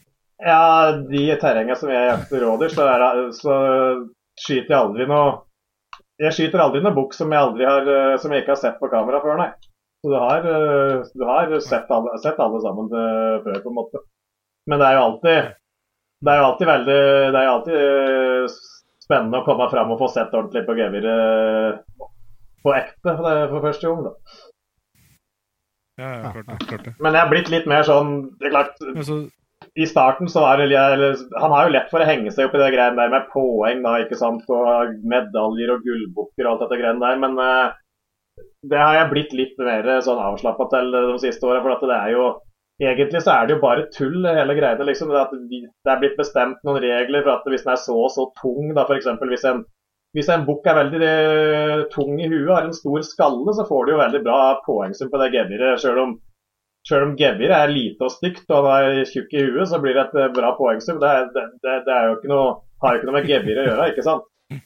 Jeg skrev til en sølvbukk i fjor i los som var, eh, var 22 kg slaktevekt uten et gram fett på kroppen. og den, eh, Det var et elendig gevir, men den, var, den, den, den fikk sølv da, for den, hadde større skalle enn alle de andre bukkene jeg har skrevet i noensinne. Så, så, så, dette, blir bare, dette blir bare kriterier som noen har bestemt liksom, hvordan gevir skal dømmes. Så, så, jeg har blitt mer sånn på at uh, se en liten raring som har et spesielt gevir som uh, som jeg syns er litt, litt, litt morsomt. Eller, eller, om du har en uh, gammel returbukk som du vet er en gammel returbukk, og du ser det på geviret, du har ført den i mange år, så er det da har du i hvert fall ikke noe dårlig samvittighet for å ta ut en som er ordentlig gammel. Det er jo de som jeg syns er finest å jakte på. Uh, så, så, det, det, ja. det der poengjaget med desimaler og det greiene her, det, det, har jeg blitt uh, litt mer avslappet av. Men selvfølgelig så er det alltid morsomt hvis du har spart en stor en og du, og du, endelig skal prøve på den. Det er jo artig å, å jakte på en stor en òg. Men, men, ikke sånn bare, bare medaljejag. Det syns jeg det er jeg ferdig med. Mm. Men for eh, sånn som eh, i hvert fall eh, Du skal ikke snakke for deg, men jeg som snart skal ut på min første skikkelig bukkjakt, hva, hva, jeg skal, hva jeg skal tenke på og forberede meg til? Nei, hvis du, hvis du da, da har ikke du jakta bukk i det terrenget før, eller du har ikke jakta bukk før. og Da er klart, da, da må, da må den jo, jo, jo fysisk ut i terrenget. og Da nytter det ikke bare å Du kan jo sette ut et viltkamera eller to for å se hva som finnes der, uh, bare for å se hva du har å jakte på. Men uh, da må du jo ut for å finne poster og for å finne merker og hvor, hvor er det rådyrbukken holder til mest og osv. I de terrengene jeg har jakta nå, så har jeg jakta i mange år. Så der vet jeg jo, og jeg jakter jo all mulig annen jakt i de terrengene. Så der er det jo lommekjent. så der, der, der, slipper du liksom å gå ut og lure, finne poster og rydde poster og alt mulig sånn. Da, da har du Du veit hvis en bukk er på et kamera, så har han det reviret. Og hvis en bukk er på det kameraet, så har han det reviret. For de, de bruker de samme revirene som de bukka som har vært der tidligere, har brukt. Men du må jo bruke mer tid, tid ute i terrenget. og gjerne uh, hvis, hvis den ikke er noe sånn helt logisk uh, fine, åpne poster, så må den kanskje fram med litt av sag og få rydda litt plass der du har tenkt kanskje å, å lokke litt. og Noen er jo veldig glad i å sette opp tårn og sånn. Det kommer jo helt an på åssen terrenget er. Her, her på Hadeland er det veldig sånn småkupert kulturlandskap, så er, her trenger han egentlig ikke noe særlig tårn. Han får alltid noen muligheter til å skyte uansett. Men sitter du hvis du har ett hogstfelt på terrenget ditt, det er det eneste plassen du kan jakte, så er det jo kjempefint å få satt opp et tårn der da har du litt mer oversikt. Du mister jo fort litt oversikt på et sånt hogstfelt når du sitter på bakken. Uh, eller om du kommer fra et område der det er veldig mye store, flate jorder med tanke på sikkerhet og mye kornåker og sånn, der det er vanskelig å se fra bakken, så er det fint med tårn. men jeg syns det er mer spennende å, jakte rundt på bakken og, og, snike rundt og lokke i en plass, og så snike videre, i stedet for å bli sittende uh, på én eh, plass hele, hele, økta. før jeg ja, jeg, jeg er en veldig sånn bevegelig bukkejakt. Før jeg begynte å lokke, så satt jeg fire timer på én post. Da hadde jeg Eh, rydda stier så jeg kunne gå Jeg kunne jogge fram til posten uten å Da hadde jeg raka flere hundre meter lange stier og sånn, ikke sant. Så, så, så, så, du kunne komme fram til posten din. Og, uh, men da blir det, det Det blir jo flere Det blir mer kjedelig da når du sitter på samme plassen lenge. Uh, om det er mer effektivt og ikke, det hvis, er, hvis den posten er en bra post innenfor reviret, så kommer den jo der før eller seinere hvis det er mange nok turer ute. Men jeg syns det er mye mer spennende å snike rundt, for da får du òg den der ansmygningsfasen. Hvis du, hvis du oppdager en bukk når du er ute og sniker, altså det å snike seg innpå den, det er jo den mest spennende bukkejakta for meg. Det er jo mye mer spennende det enn å lokke en bukk til deg som da dukker opp. Det, det å få se noe Eh, på langt hold og så klare å smyge innpå, komme innpå og skudde opp på det, det er jo det, for meg den mest spennende jaktformen som jeg opplever både på toppjakt, på tiur og på reinsjakt. og eh, Lange ansmygninger, da får du virkelig kjenne på pulsen. Så, så det, for, for, meg så blir det å snike meg rundt fram til en post. Eh, lokke der en eh, Vi kan si litt om hvordan vi lokker og sånn etterpå, men eh, lokke kanskje en 30-40 eh, minutter der eller sånt noe det kommer litt an på hva slags feeling du har i kroppen. Du får jo litt sånn Noen ganger så får du trua, virkelig trua på den plassen her, mens andre ganger så mister du litt trua. og så går det, Da går du videre litt tidligere, kanskje. Men, men en sånn halvtime, 40 minutter på hver post. Eh, I, i hvert fall i kulturlandskapet så, så, bruker jeg ikke så lang tid på hver post. For hvis du, hvis du skal jakte i et kulturlandskap eh, der du har god oversikt, hvis jeg måtte velge en jaktform da, kun én jaktform, så hadde jeg tatt snikjakt. For snikjakt i et oversiktlig område er mer effektivt enn loppjakt. For da kan du bevege deg rundt, og i de, i de første dagene i bukkejakta så er dyra så i aktivitet, og de viser seg så mye, de eksponerer seg så mye sammen med geita og sånn ute på åpne områder, at det da eh, vi, i løpet av en Gjerne i løpet av én til to til tre turer så har du sett bukken uh, i et kulturlandskap uh, ved, å, ved, å, bevege deg rundt i området. Hvis du kun sitter på én post i et sånt kulturlandskap, så kan du risikere at uh, bukken er sammen med geita 400 meter unna og driver og, og, og, roter der, og ikke kommer på posten din. Mens hvis du, hvis du sniker deg rundt, så dumper du borti de dyra pga. at de viser seg såpass mye som de gjør da. De står ikke bare inne i tette kuller, de flyr rundt etter hverandre ute på grasjorder og hogstfelt osv. Så, eh, I kulturlandskap så er jeg ikke i tvil om at snikjakt er den mest effektive jaktformen. Hvis du derimot har et skogsterreng der du har et fint hogstfelt, eh, og i skogsterreng, eh, særlig sånn tett granskau og kjerre og sånn, så er det vanskelig å snike noe særlig. Har du litt mer åpne furumoer som de har på Hedmarken, og sånn, så kan du snike ganske brukbart. Særlig hvis det er litt vind, så er det gode muligheter til å snike der. og Der kan du se litt lengre. Men på et sånt på et skogsterreng der du har ett hogstfelt å poste deg på, så der vil jeg heller sitte Da ville jeg valgt loppejakt uh, i stedet for snikjakt som den mest effektive jaktformen. Og da sitter jeg mye lengre på én post. Jeg skjøt en veldig stor bukk uh, ved en sånn skogsterreng for en tre år siden, og der var det bare ett hogstfelt. Det uh, var langt unna der jeg hadde den på kamera, men var, uh, jeg, jeg, tenkte at du må jo bruke dette hogstfeltet her, for det, det, er jo der de finner mer mat enn inne i skauen. Eh, da, da satt jeg og lokka i to timer uh, på den posten. Uh, da sitter jeg kanskje og lokker en fire-fem minutter, og så sitter jeg og venter et kvarters tid, og så lokker jeg en fire-fem minutter igjen, og så sitter du sånn i to timer i strekk, og så dukka den opp etter to timer. Da, for da, da hadde den sikkert ikke hørt meg når jeg begynte å lokke når jeg kom på posten, men Rådyrbukken beveger seg jo mye sjøl den tida der òg, så plutselig så hadde han kanskje kommet innafor hørehold, og så kom han opp for å sjekke lyden. da.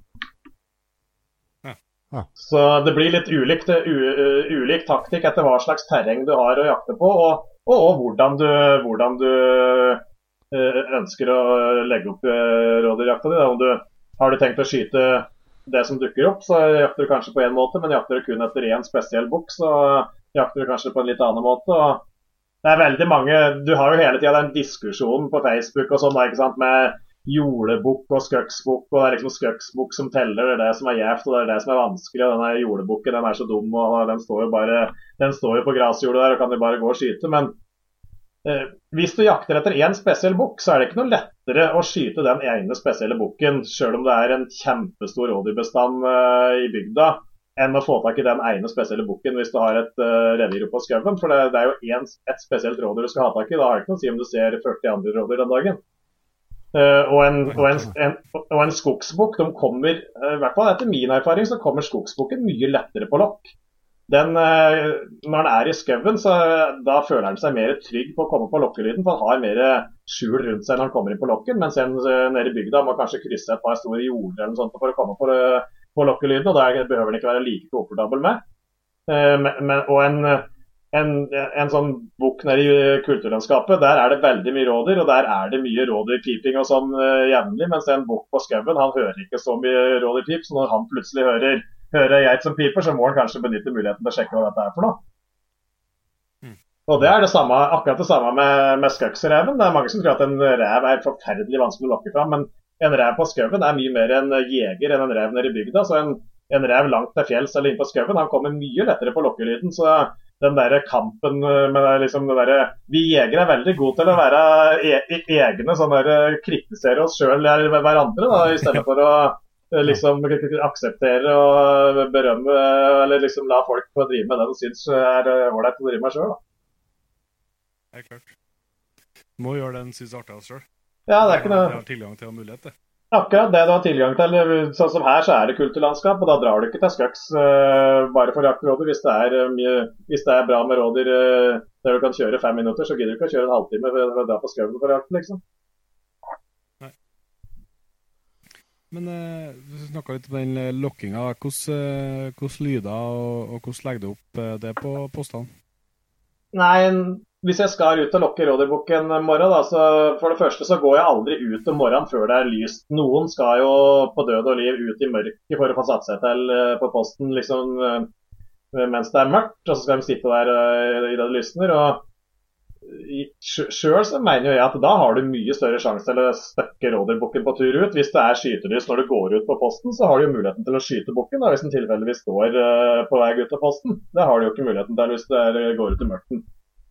Så eh, for meg så, for meg så, passer det mye bedre å gå ut mens det er skytelys. Eh, og du må ikke Noen syns jo det er tungt å stå opp om morgenen. Jeg, jeg, jeg, elsker ikke å stå opp tidlig om morgenen hver dag eh, på bukkjakta, jeg heller. Så det er veldig behagelig det på bukkjakt.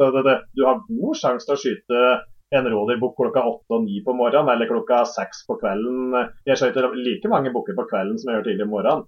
Sånn, og du kan jakte bukk i, i skauen. Kan du lokke fram bukken hele dagen i starten av jakta. og Er du heldig, så kan du jo se en uh, viser seg fram på dagtid i, i kulturlandskapet òg. For de er jo virkelig i farta hvis brunsten er, er, skikkelig i gang på den tida der. Så, så, du kan egentlig drive og jakte litt hele, hele døgnet i den perioden der. Hvis det, er, hvis det er fryktelig varmt, sånn som det var nå, Eh, så blir dyra veldig slitne, særlig hvis de driver bukken flyr etter geita. og sånn, og da, da, er det veldig viktig å komme seg ut uh, i tidligste skytelyset på morgenen uh, da det er kaldest uh, i døgnet.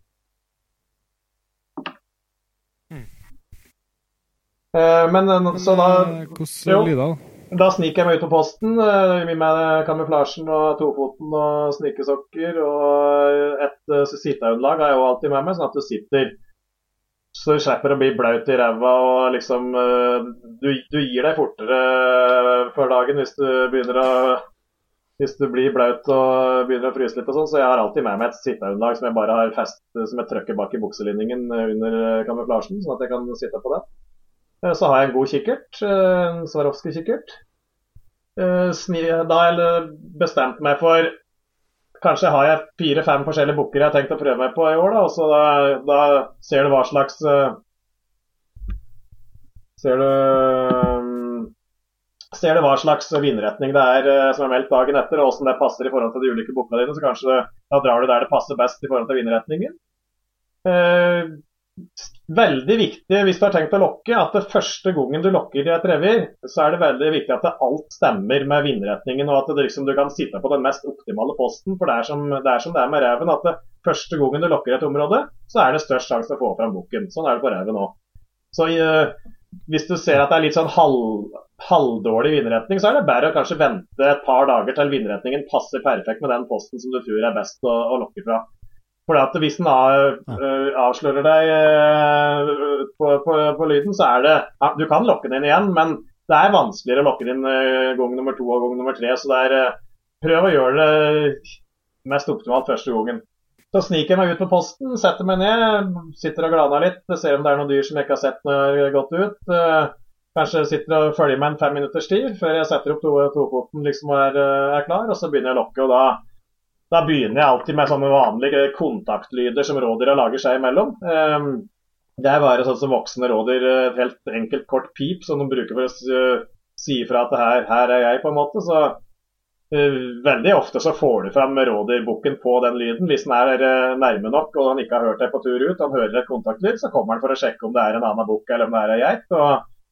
Uh, så de fleste booka jeg har skutt i, har jeg skutt på kontaktlyden, men det er jo fordi det er jo den lyden jeg starter med, så da blir det jo størst sjanse for at du skyter på den lyden. Så jeg kan ta, ta den lyden nå. Det er bare en kort, enkel uh, pipelyd.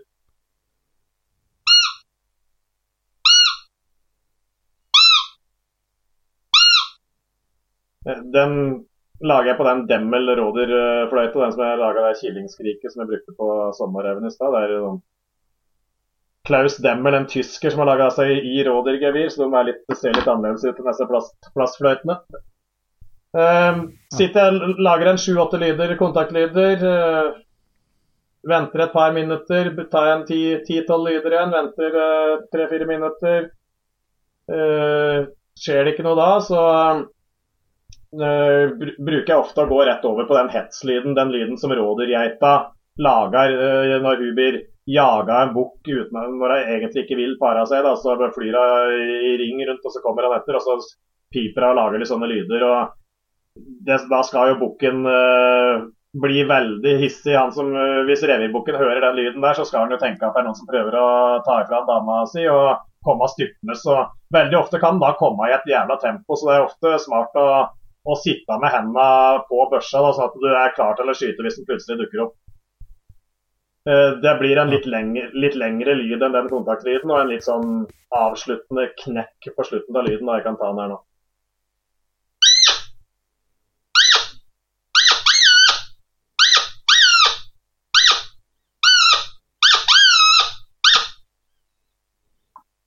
Eh, så da er det greit eh, På all lokkejakt, både på rev og rådyr, så må du være klar med den første lokkelyden du tar. For noen ganger så kommer ting i løpet av 10-15 sekunder. Så det er veldig veldig mange, både på rev og rådyr, som har, ikke har vært klare. De har blitt overraska over at ting har kommet så fort.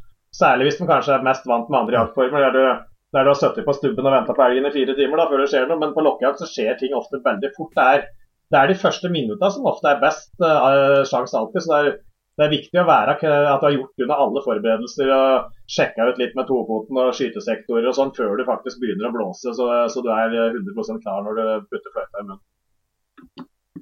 Mm. Så da tar jeg en uh, samme som uh, med kontaktlyder der, en åtte-ti lyder. Uh, tar en liten pause, tar en ti-tolv lyder igjen. Pause og kanskje en serie til med en ti-tolv lyder.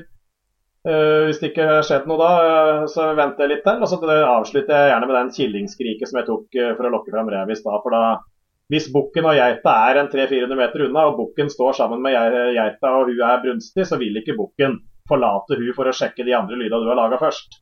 Så da er det bedre å lage det killingskriket som geita da kommer styrtende på fordi hun tror det er noe galt med killingen sin, og så må, må bukken bli med geita bortover, for han han vil helst ikke slippe hun unna seg når hun er brunstig, så da vil han ha kontroll på henne. Så da, når hun styrter i vei på den lyden, så blir han der borte, og da kan du få skutt i bukken sjøl om du har lokka fram geita, da, på en måte. Ja.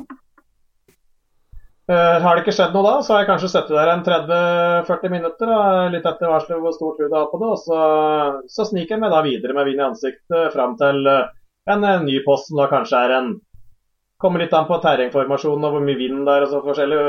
Kanskje en fire 400 meter, 400-500 meter videre, og så lokker du litt der igjen. og så, så sniker du rundt sånn, så har du kanskje en, en runde på en fire poster da, som tar en to, to og en halv time kanskje. Så har du lokka deg gjennom reviret, da, ikke sant? så du begynner på den sida der det er mest optimalt med vinden. og så, så lokker du deg gjennom terrenget. og da er det da er det alltid smart eh, når du driver lokker at f.eks. der du starter, så har du kanskje veien eller et jorde i, i ryggen. ikke sant? Sånn at, du, du, at det ikke er så stor sjanse for at bukken får, får vært på baksida når du begynner å lokke. og så prøver du å finne deg poster hele veien, kanskje ut på en skrent, en skråning. sånn at du, du har ting i ryggen der bukken ikke får dukka opp. på en måte, da, så Du prøver å min minimere sjansen for at den skal gå rundt deg. For han prøver ofte å gå rundt deg for å få lukta av deg da, når du, når du sitter og lokker.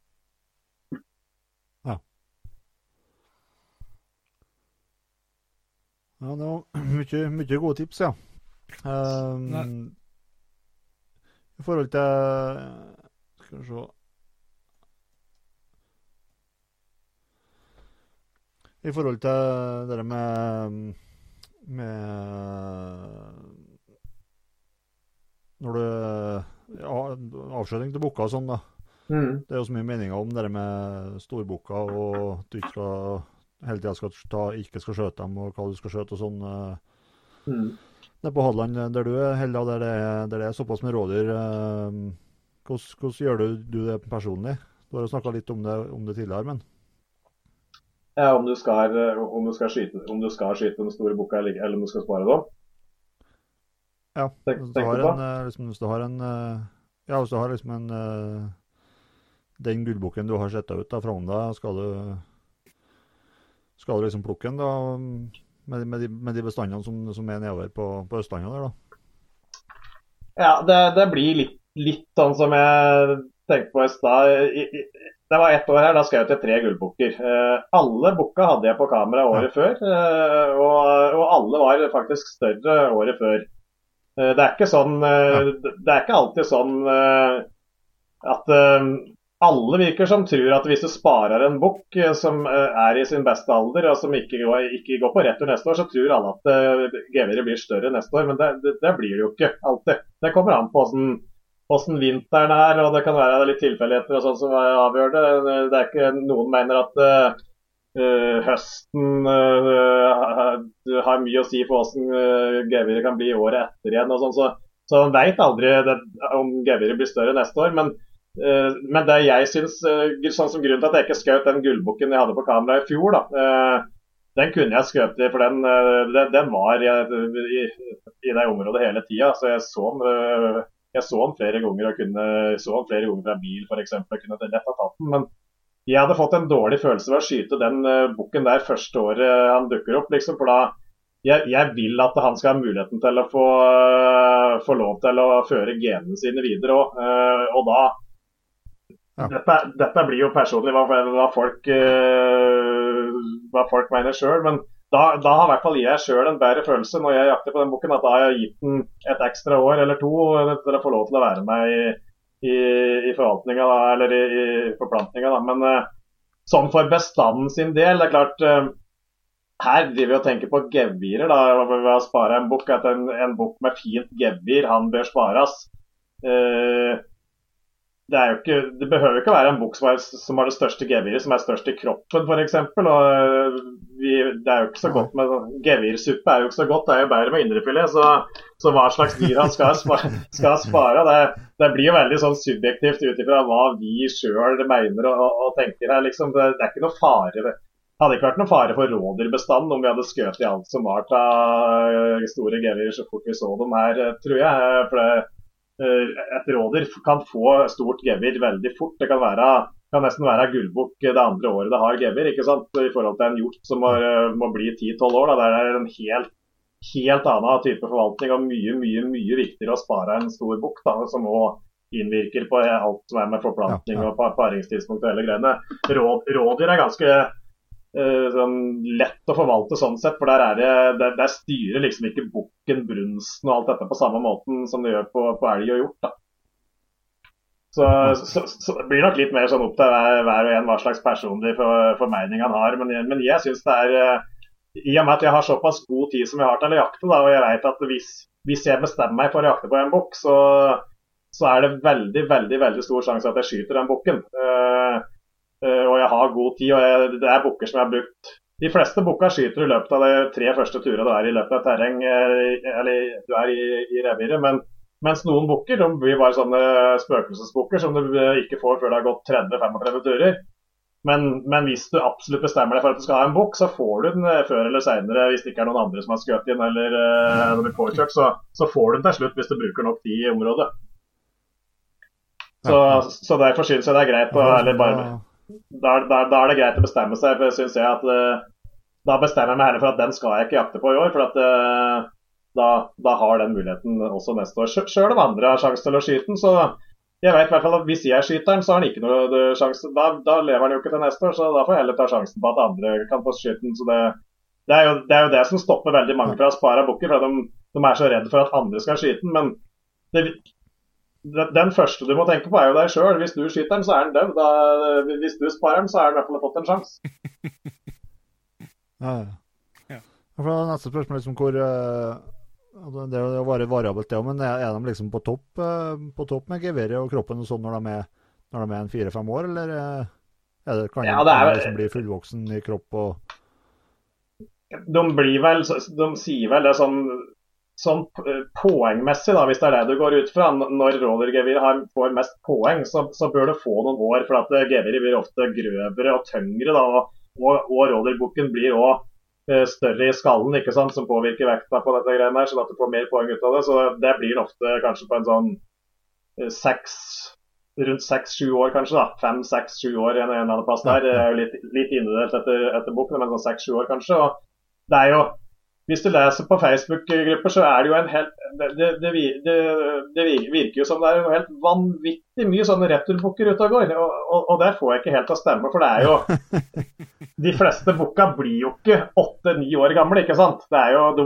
de blir jo skutt lenge før den tid, men det er veldig mange som driver og prater om returbukker. for det og hvor gammel er denne bukken her? De legger ut bilde, ikke sant. Der, så er det, noen sier denne er to år, denne er tre år, der ser du på geviret sånn og sånn jeg, kan ikke, jeg har ikke sjans til å se på et bilde av en bukk som blir lagt ut på Facebook til å si hvor gammel han er. Jeg, jeg, har, jeg har ført bukker som jeg sa i stad, flere forskjellige bukker som jeg har ført i opptil fire-fem år.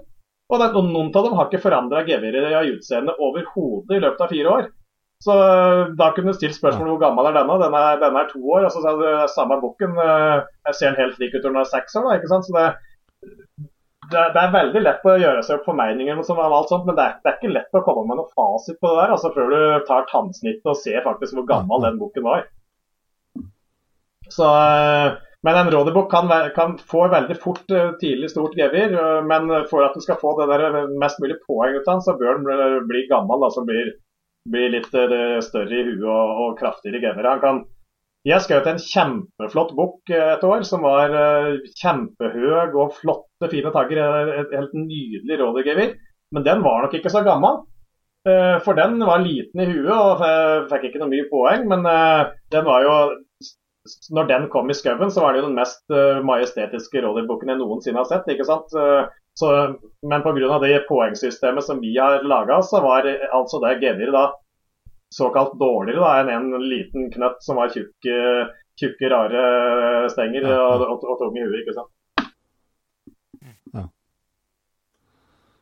Vi må få høre litt før vi runder av bukkepraten. her, Ola, må vi få høre litt om bukkene du har sett deg ut til, til årets jakt. da. Ja, i år så er det I fjor var det veldig dårlig for min del. Da, da var det ikke så mye sånn spennende bukker. Men i år så er det liksom igjen sånn veldig rar sånn liten bukk, eh, ikke noen medalje overhodet, men en sånn raring som jeg har blitt mer og mer eh, interessert i de siste åra. Eh, så har jeg en sånn ordentlig ordentlig returbukk som jeg har sett et, par år tidligere òg, som er, har bare noen rosenkranser og så stikker det opp noen tynne, tynne stenger. som er, Det er jo den, sånne bukker som jeg virkelig syns det er som jeg synes det er ålreit å skyte. Da, som er, Den veit du er gammel og har gjort sitt, på en måte. Ofte har de, ofte har de mista reviret sitt. Jeg så, et år så, så jeg eh, på kamera så, så jeg en revirbukk som mista eh, reviret sitt. Eh, han var på, på, kamera i starten, og så kom det en annen en der. og Jeg så dem der to stykker samtidig. Og så til slutt så var det den nye som var der da, i stedet for den andre. og den returbukken den skjøt jeg det samme året. Det var en ordentlig ordentlig gammel kledd. og den, den bare strena liksom litt sånn Den dukka opp på flere forskjellige kameraer etter hvert, så den mista tydeligvis reviret sitt, altså den nye bukken. Så da er det jo veldig ålreit å kunne skyte ut en sånn en bukk. Ja. Uh, ellers så har jeg et, uh, noen flere andre som er sånn OK. En som er ja, kanskje opp mot, opp mot, gull. Det kommer litt an på uh, hvor tung han er. men så jeg har én stor bukk å jakte på i år. Jeg hadde, hadde egentlig merka meg ut en ordentlig stor bukk som jeg skulle få lov til å jakte på av en kompis av meg, men den, den ble påkjørt av ambulansen i utrykning, så det, det var den største rådyrbukken jeg har uh, sett uh, noen gang. Altså, er eller liksom den største som jeg har hatt sjanse til å jakte på. Den var en vanvittig flott bukk som jeg så i, i bikkjejakta i fjor. Så, den, så det er litt, litt, utur når ambulansen banker ned den. Og to, noen dager seinere så ble det påkjørt en noen dager senere ble det påkjørt en annen gullbukk 300 meter unna oss, og da blir det ikke noe jakting i det området. Da får vi spare litt der. Nei. Ja. ja.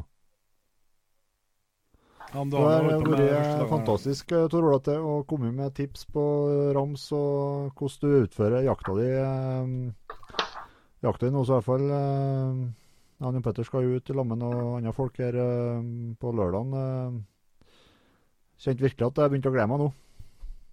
Ja, det er eh, Jeg syns det er en helt egen form for jakt, eh, den eh, bukkjakta på rådyr. Med at du ja, at du sjøl går ut og sniker og skal overliste bytte. og et, Det er liksom passe stort, det viltet. Du kan håndtere det alene. Det blir ikke masse arbeid i etterkant som det blir på, på elgjakta. og det er det er en tid på året og det skjer veldig mye det er veldig mye vilt i aktivitet. ikke sant? Du ser uh, harer og rev og grevling og rådyr og elg og fuglesang og litt for mye mygg, dessverre, tider. Men uh, så det er en uh, vel utrolig flott uh, jaktform som, som, vi kan drive med liksom, rundt omkring i hele Norge. Fra, fra kyst nesten til, opp til, til høyfjellet, på en måte.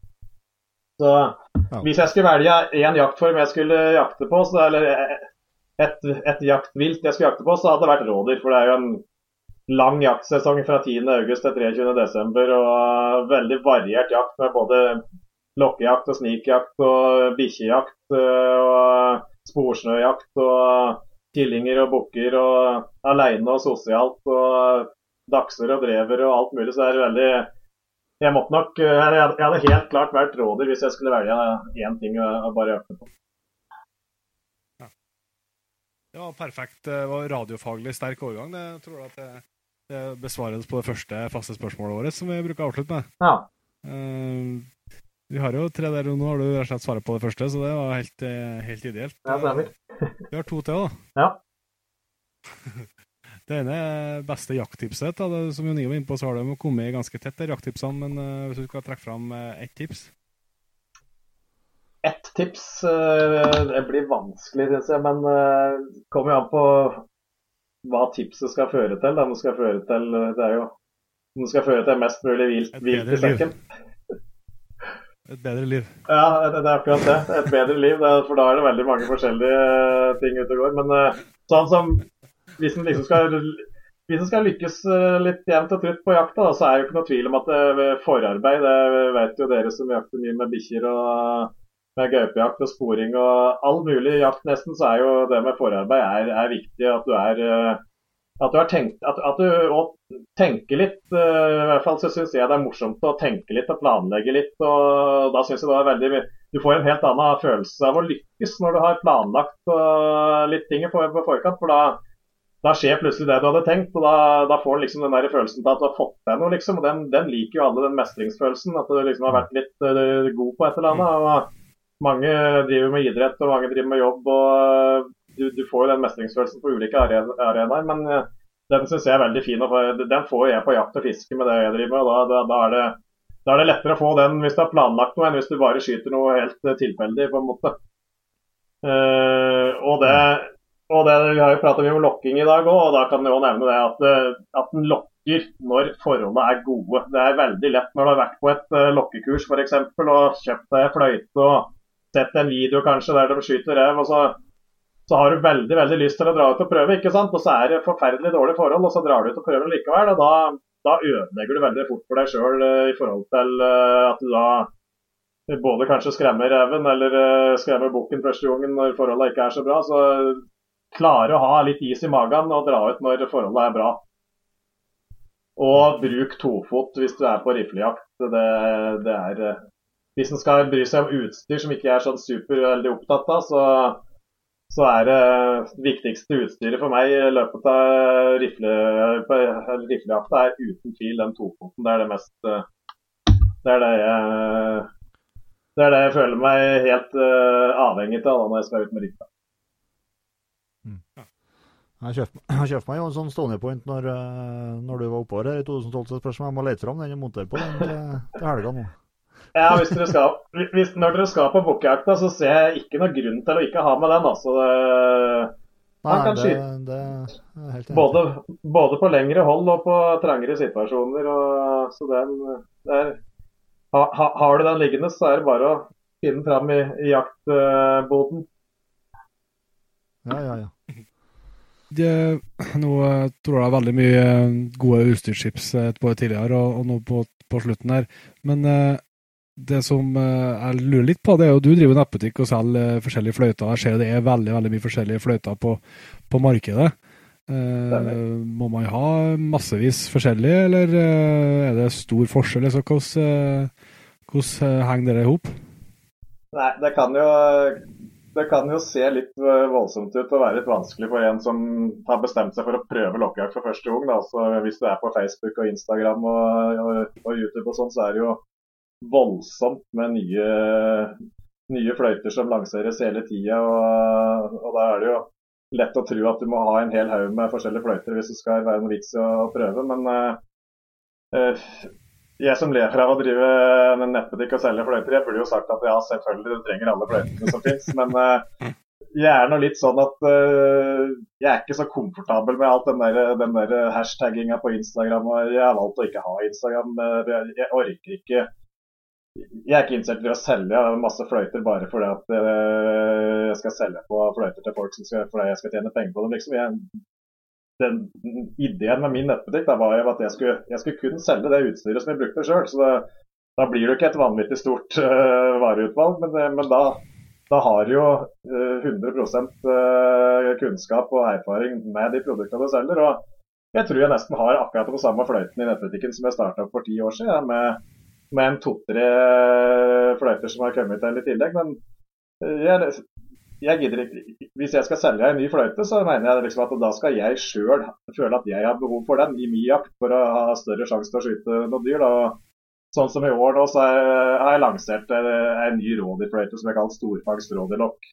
Eller å lansere er vel litt feil, kanskje, for jeg har ikke, jeg har ikke lagt den ut på eneste side noen plass. Jeg har bare lagt den ut i nettbutikken, og der ligger den. Men så klart Han burde vært flinkere til å drive markedsføre, og sånn, men det syns jeg blir litt sånn eh, slitsomt over folk. Folk får eh, bestemme seg litt sjøl hva, hva, de ønsker. Men, men når, jeg, når, jeg, da liksom legger ut en sånn eh, fløyte som det der, så føler jeg at det er en fløyte som, som, jeg da øker mine sjanser til å skyte en rådebukk. For den, den, har litt lengre rekkevidde. og Noen ganger så kan det være en fordel i tillegg til den Demel rådyrlokken som, som, jeg bruker mye.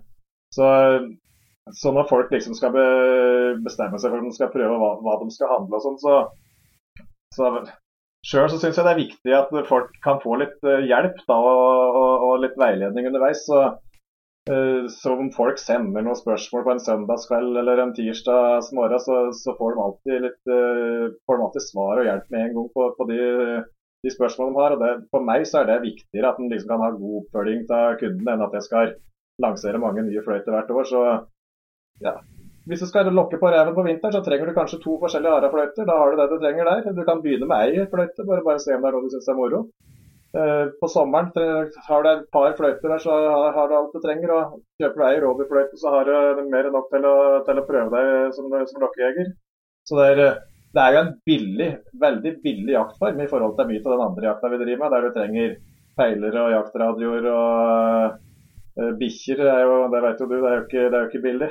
så, så, det er en veldig billig jaktform. Sånn, nei, så det er en veldig billig jaktform bare for å prøve å se om det er noen uh, syns det er moro. Hvis en, hvis en ikke syns uh, lokkejakt er moro, så har du kjøpt deg fløyte til 300 kroner, og så kan du gi deg. Men hvis du, hvis du har kjøpt deg bikkje og ikke syns det var moro, så har du, har du litt, litt flere år foran deg. Så, så, folk skal tenke litt mer på hva de sjøl kan gjøre for å lykkes på jakta, i stedet for at de hele tida skal uh, kaste seg på alle nye fløyter hvert år som de tror de trenger. Det, det er ikke der uh, suksessfaktoren ligger, uh, mener jeg. da. Nei. Det er ikke, de, er, de fleste fløytene er, er, mer enn gode nok til å få inn det viltet du trenger?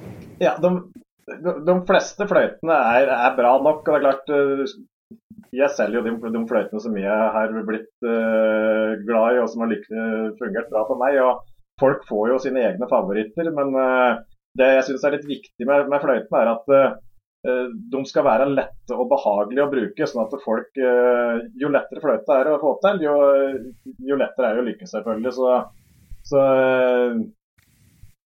du skal ikke du skal ikke trenge en, en hel haug med fløyter for å lykkes med dette her. Så det er bare, bare å prøve seg fram med ei fløyte. Så, så, er det veldig lett for deg da, at når du får lokka fram en rev første gangen, så blir du bitt da, vet du, for at å få en rev til å spurte alt den kan rett imot deg. Det er ikke noe vi ser til vanlig. som Vanligvis så ser vi reven flyr alt den kan andre veien, ikke sant? men her ser du en rev som kommer spurtende i, i, så fort som en rev klarer å fly, eh, særlig på sommeren når de kommer på sommersfløytene, så kommer de i et vanvittig tempo rett imot nåsatippen din. Og den som ikke blir litt hekta av en sånn opplevelse, den, den uh, jegeren har jeg ikke møtt ennå, tror jeg. Jeg har møtt, jeg har møtt hjortejegere som har skutt mye diger hjort på brøling, og som uh, har lokka fram sin første rev, og de har fått så skjelven at de aldri at de har ikke klart å holde børsa på reven i det hele tatt. Og de hadde lokka inn digre kronhjorter på brøling, som jeg uh, anser som kanskje den mest spennende jakta som finnes. Så det, så det er uh, Nei, det er, en, uh, det er, lett å bli hekta, og det er klart da får en lyst på mer utstyr og sånn etter hvert. Men sånn, for en nybegynner som har lyst til å prøve, så er dette en veldig enkel jaktform, eller veldig billig jaktform å prøve seg på. Men enkelt er det ikke. Du, du skal tenke deg tenke deg mye om før du, før du, lykkes godt, men eh, jeg anbefaler alle å prøve, prøve lokking en eller annen gang i år. Og så var det et sånn uh, fløytespørsmål. For at Vi har snakka en del om, om bukkjakta nå, men gjelder Buttalon, da? Ja, eh... Jeg er jo ikke noe, jeg noe bukkjeger, men jeg har liksom det og den jeg på at jeg så i butikkene og hørte om eh, litt lenger tilbake. Stemmer. Nei, bra du nevner den. Det er lett, lett å glemme den. Men, uh, for det, det, var jo den jeg òg starta med, med, med Butolon. den du bare, sånn gummibelg som du bare trykker på, som uh, pipelyda kommer ut ifra. Og I starten min som lokkejeger på rådyr, så var jeg nok litt sånn som mange andre rådyrjegere er, tror jeg. At, uh, som ikke har prøvd seg noe særlig på lokking. At du har liksom ikke helt trua på det. så jeg satt der og trykte litt på denne Butolon Gjerne når jeg hadde tenkt å gå fra posten, ikke sant? for jeg hadde støttet en to-tre timer og så hadde jeg tenkt å gå på en annen post. og da, Først da turte jeg lokke litt, for da, da kunne jeg ikke gjøre noe skade med etter at jeg satt og trykket litt uansett, for da skulle jeg gå.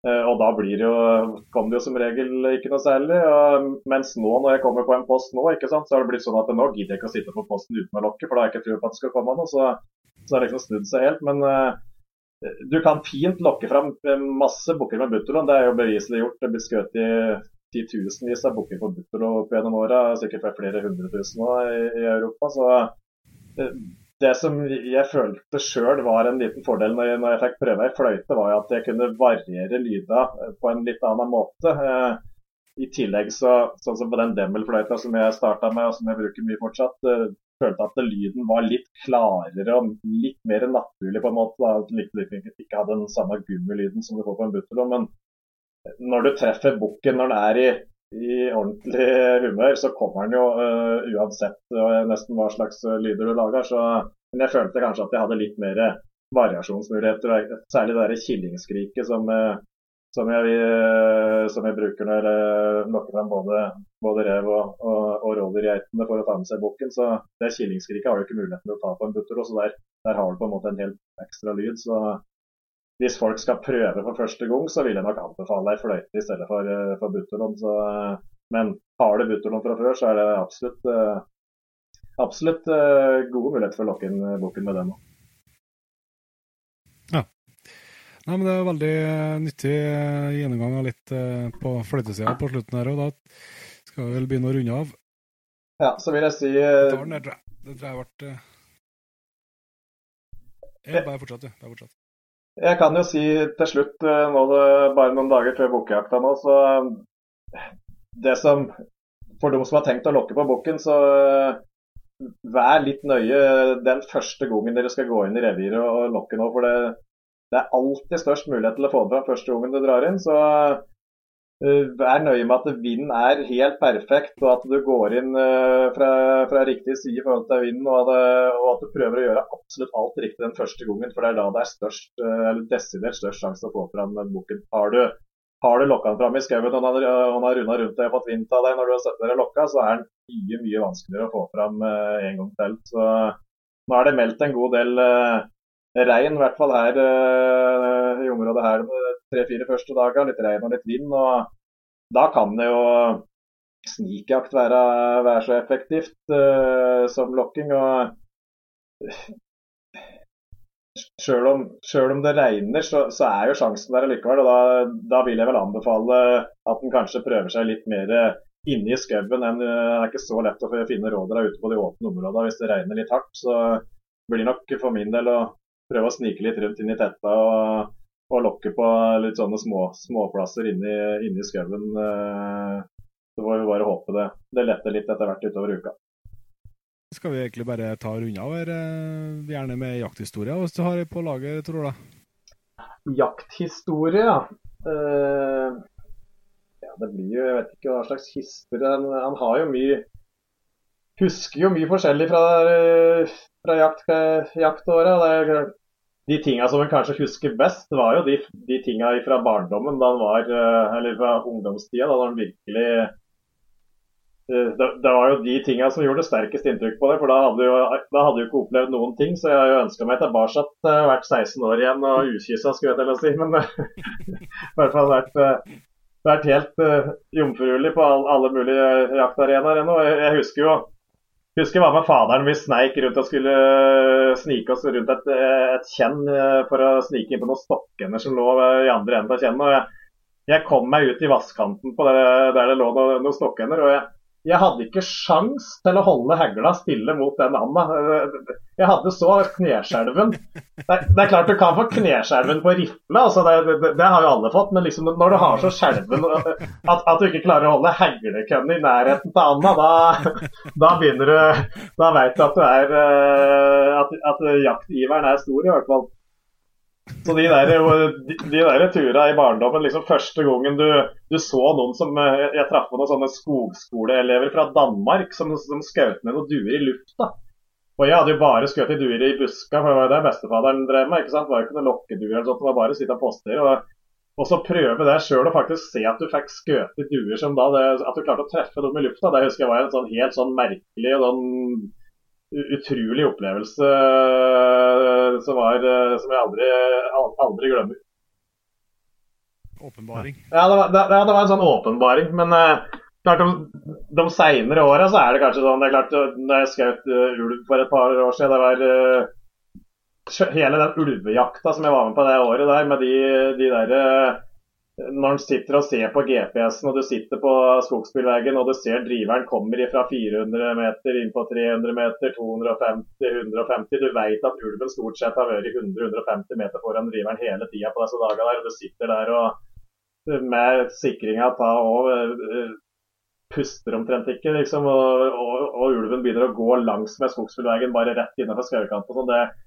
Det var noe helt, helt helt spesielle dager vi hadde på den ulvejakta. og Det endte jo opp med at jeg fikk skutt i en ulv til slutt. og Det er klart det var, det var en stor opplevelse. Selv om, selv om jeg kanskje heller hadde bytta bort mot ei gaupe som jeg aldri, aldri har skutt i, og som jeg kanskje har jakta mer etter. og Jo mer, jo mer du har drevet med en ting, jo, jo mer ønsker du jo. så jeg, jeg var veldig nærme nå i vinter på, på gaupejakta. så jeg, det er gaupe og, og, en diger kronhjort eh, på brøling er nok uh, selve, drømmen. Men uh, den, den, aller, den, aller, mest spennende jaktopplevelsen jeg, jeg, jeg har hatt, da, over, over, og den der mestringsfølelsen av at jeg har lykkes, var da jeg skjøt den, der, den rådyrbukken som jeg prata om i fjor, som var så, nei, i stad, som var så stor. Uh, kjempehøy, flott gevir som jeg hadde hatt på kamera en gang i, i, mai. Og så hadde jeg ikke sett den på kamera igjen før i august. Da var den to kilometer unna på et annet kamera. og så så jeg ikke noe tegn. Det var ikke noe jorder, ikke noe hogstfelt, ingenting oppi det skauområdet der. Så jeg drev og begynte å vase rundt der på dagtid og, for å se etter merker og sånn. og finne ut uh, fant jeg en plass der det var mye merker, og der fikk jeg plutselig høre noen sånn pipelyder som jeg hadde hørt tidligere på dagen når jeg så en uh, spissbukk som drev og jaga geit. Der den geita og bukken lager sånne rare sånn vislelyder, noen helt merkelig lyd. Så jeg så bare skimten til et rådyr, men i og med at jeg hørte den lyden, så skjønte jeg at det måtte være to rådyr, uh, akkurat sånn som jeg har sett tidligere på dagen en annen plass. Og da, da laga jeg meg to poster uh, i nærheten til der. Det var uh, i ei sånn skiløype. Der var det eneste åpne området som var. Altså en sånn skogsbilvei.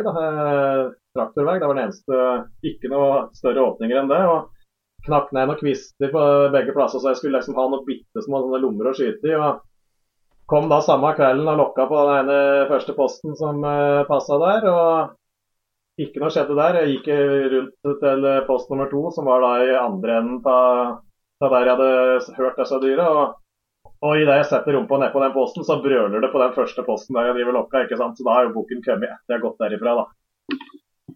Da var det jo litt nedtur, og jeg tenkte da gidder jeg i hvert fall ikke å lokke her jeg setter meg ned nå, for nå, han, nå står han bortpå her. og jeg regna i hvert med at det var den. da, Det kunne jo være geit som brøler òg, men jeg regna med at det var bukken som hadde kommet da. Så da tenkte jeg da lokker jeg ikke noe her nå. Eh, da sitter jeg bare her og venter litt for å se om det kommer noe her. Men det var vel en 300 meter unna den første posten, så da kom det ikke noe der. Men da kom jeg på dagen etter, og da passa det best å sitte på den posten som jeg ikke lokka på i forhold til vind. Satt vi og lokka der litt. og Sitter og ser i andre retningen. Har tatt noen hetslyder, kommet til hetslydene. Og når jeg snur blikket, så ser jeg at uh, bukken har kommet akkurat opp en liten sti, en rådersti, og inn i den uh, traktorveien. Og, og, har akkurat passert uh, traktorveien når jeg får se den, og stopper opp akkurat der jeg har knekt ned kvister og laga den lille skyteglemma. Og ser jo at det er den bukken med en gang, for jeg har et vanvittig gever. Holder på å liksom skøte i den da, i den skyteglemma som jeg laga kvelden før på den uh, flyr 30 meter og stuper, liksom. Og da, da, satt jeg Jeg tror jeg satt i fem minutter før jeg reiste meg, bare og kjente på den følelsen over å liksom ha klart å lykkes med å få tak i den boken på en litt vanskelig plass, følte jeg. Og uh, liksom hele, hele, opplegget der, før jeg da før jeg da gikk fram for å se på geviret første gangen, det å liksom kunne sitte og suge litt på kar karamellen og nyte hele opplevelsen der, da, den, den, den, har jeg veldig ofte når jeg, når jeg endelig får skrevet en rådebok, At du liksom tar deg tida og liksom nyter eh, situasjonen litt. Eh, for det, det, er ikke så mange ganger i løpet av året du, du har den følelsen der. I hvert fall, hvert fall ikke. Nei, det var veldig, veldig mye gode historier, og jeg skjønner det som du ser, den her eh, følelsen av å lyktes etter å ha gjort forberedelsene og prøvd og hatt litt, kanskje litt stang ut. og Det er, det er en ekstra med det, ja. Ja, helt klart. Det, så det er det er bare å få eh, komme dere ut i terrenget nå, så dere får litt, uh, får litt forventninger. Det der forventningene det, de er gode å ha når du skal ut 10. Eh, så det ikke bare er helt på lykke og framme når du skal ut. Jeg tror vi får sats på guidene. ja. jeg, så, jeg så det kom bilder frem i stad om at de var ute og satte opp nye kameraer nå, så jeg, tror, de, tror, de, har kontroll nede på Elverum der. Det er på ja. Opaker. Ja, dere skal nedpå der, ja. Nei, der er det. Nei, men, det er bra med dyr der. Mm. Yes, nei, men Da skal vi ta runde av her, eh, Torla, og si tusen takk for at du tok deg tida til å bli med. Og ikke minst for at du delte så raust av uh, den erfaringa du har opparbeida med all den jakta du har vært på. Det setter vi utrolig stor pris på, både vi to og ikke minst tror jeg dem som, som hører på, gjør det. Ja, nei, bare, bare hyggelig. Det var veldig artig å være med. Så høres vi sikkert igjen, så får du ha skittjakt på lørdag. I like måte. Det var altså Tor Ola Dæhlie. Uh, jeg vil tro at uh, ikke bare vi som sitter igjen med inntrykk av at det er en, en meget, ikke bare dedikert jeger, men også dyktig. Og det er jo jæklig artig å prate med folk som er så rause til å dele på den kunnskapen og den erfaringa de har, har opparbeida seg over en del år i, i skogen. da. Ja, det er mye gode tips. og Man kjente jo ekstra på det i og med at vi, vi er kanskje ikke, vi er ikke de mest, eh, de mest uh, verken dyktigste. Vi har ingen av oss som har drevet noe særlig med, med lokkejakt, så det var litt ekstra artig å kjenne på nå når vi vet at vi skal, vi skal prøve oss på bukken til helga, vi også. Yes, vi skal få jo ikke bare jakt- og fiskedager på oss, faktisk på Oppaker gård så blir det jo jakting på rådyrbukk. Så det blir jæklig artig. Så det får vi komme tilbake til vekkene, hvordan det gikk. Hvis dere ikke hører noen ting, så gikk det sikkert ikke så bra. så jeg håper virkelig at vi, vi snakkes på jakt- og fiskedagene. vi skal, Før vi runder av her, så har det faktisk kommet noen patrons da, i løpet av sommerferien òg. Det er jo helt utrolig at at det slår til deg til og med når vi ikke har hatt uh, nye sendinger ut. Uh, for uh, dere som har glemt eller ikke har fått på hva Patrion er, så er det et slags frivillig abonnement som man kan være med og støtte den jobben vi gjør med. Det finner dere info om på jegerpoden.no, hvordan det kan bli Patrion. Da får du litt fordeler. Vi har litt planer framover med kanskje noen flere ekstraepisoder til dere som er Patrions òg. Så ikke minst så vil vi jo gi alle en en takk i, direkte i podkasten. Og da skal vi i løpet av sommeren og skal vi begynne å si takk til en uh, Anders uh, Flågan. Også en uh, Birger Larsen. Og en Edvin Østhus. Erik Fjelde. Espen Hagstrøm. Også en Hein Tore Gustavsen. Og en Kai J. Solli. Og Lars Herman Hermansen. Ola Stavli. Ole Jørgen Nordbakken. Robert Olsen. Eh, så er det Roy Inge Klevmo. Og Stian Nysveen. Så tusen hjertelig takk til dere eh, for at dere eh, har lyst til å være med og, og støtte den jobben vi gjør. Det betyr utrolig mye for oss, og tusen takk til alle, alle dere som allerede har, har blitt patrients. Det gjør Jegerpodden-hverdagen en hel del enklere for oss, rett og slett. Så uh, vi snakkes på Elverum, og så ikke minst uh, husk på uh, Aspøgen Gamefair. Det fins billetter å forhåndsbestille der. Det kommer til å, være en fordel å forhåndsbestille, så mye kan vi si nå. Så får vi komme tilbake enda mer til hva, hva som ligger i det. Vi høres. Vi høres.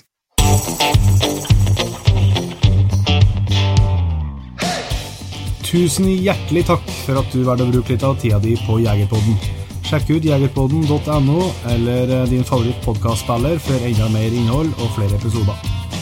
Følg også Jegerpodden på Facebook og Instagram, og ikke minst, husk å fortelle alle gode venner, familie og tilfeldige forbipasserende om Jegerpodden, sånn at vi får spredd det glade budskap videre. Vi høres.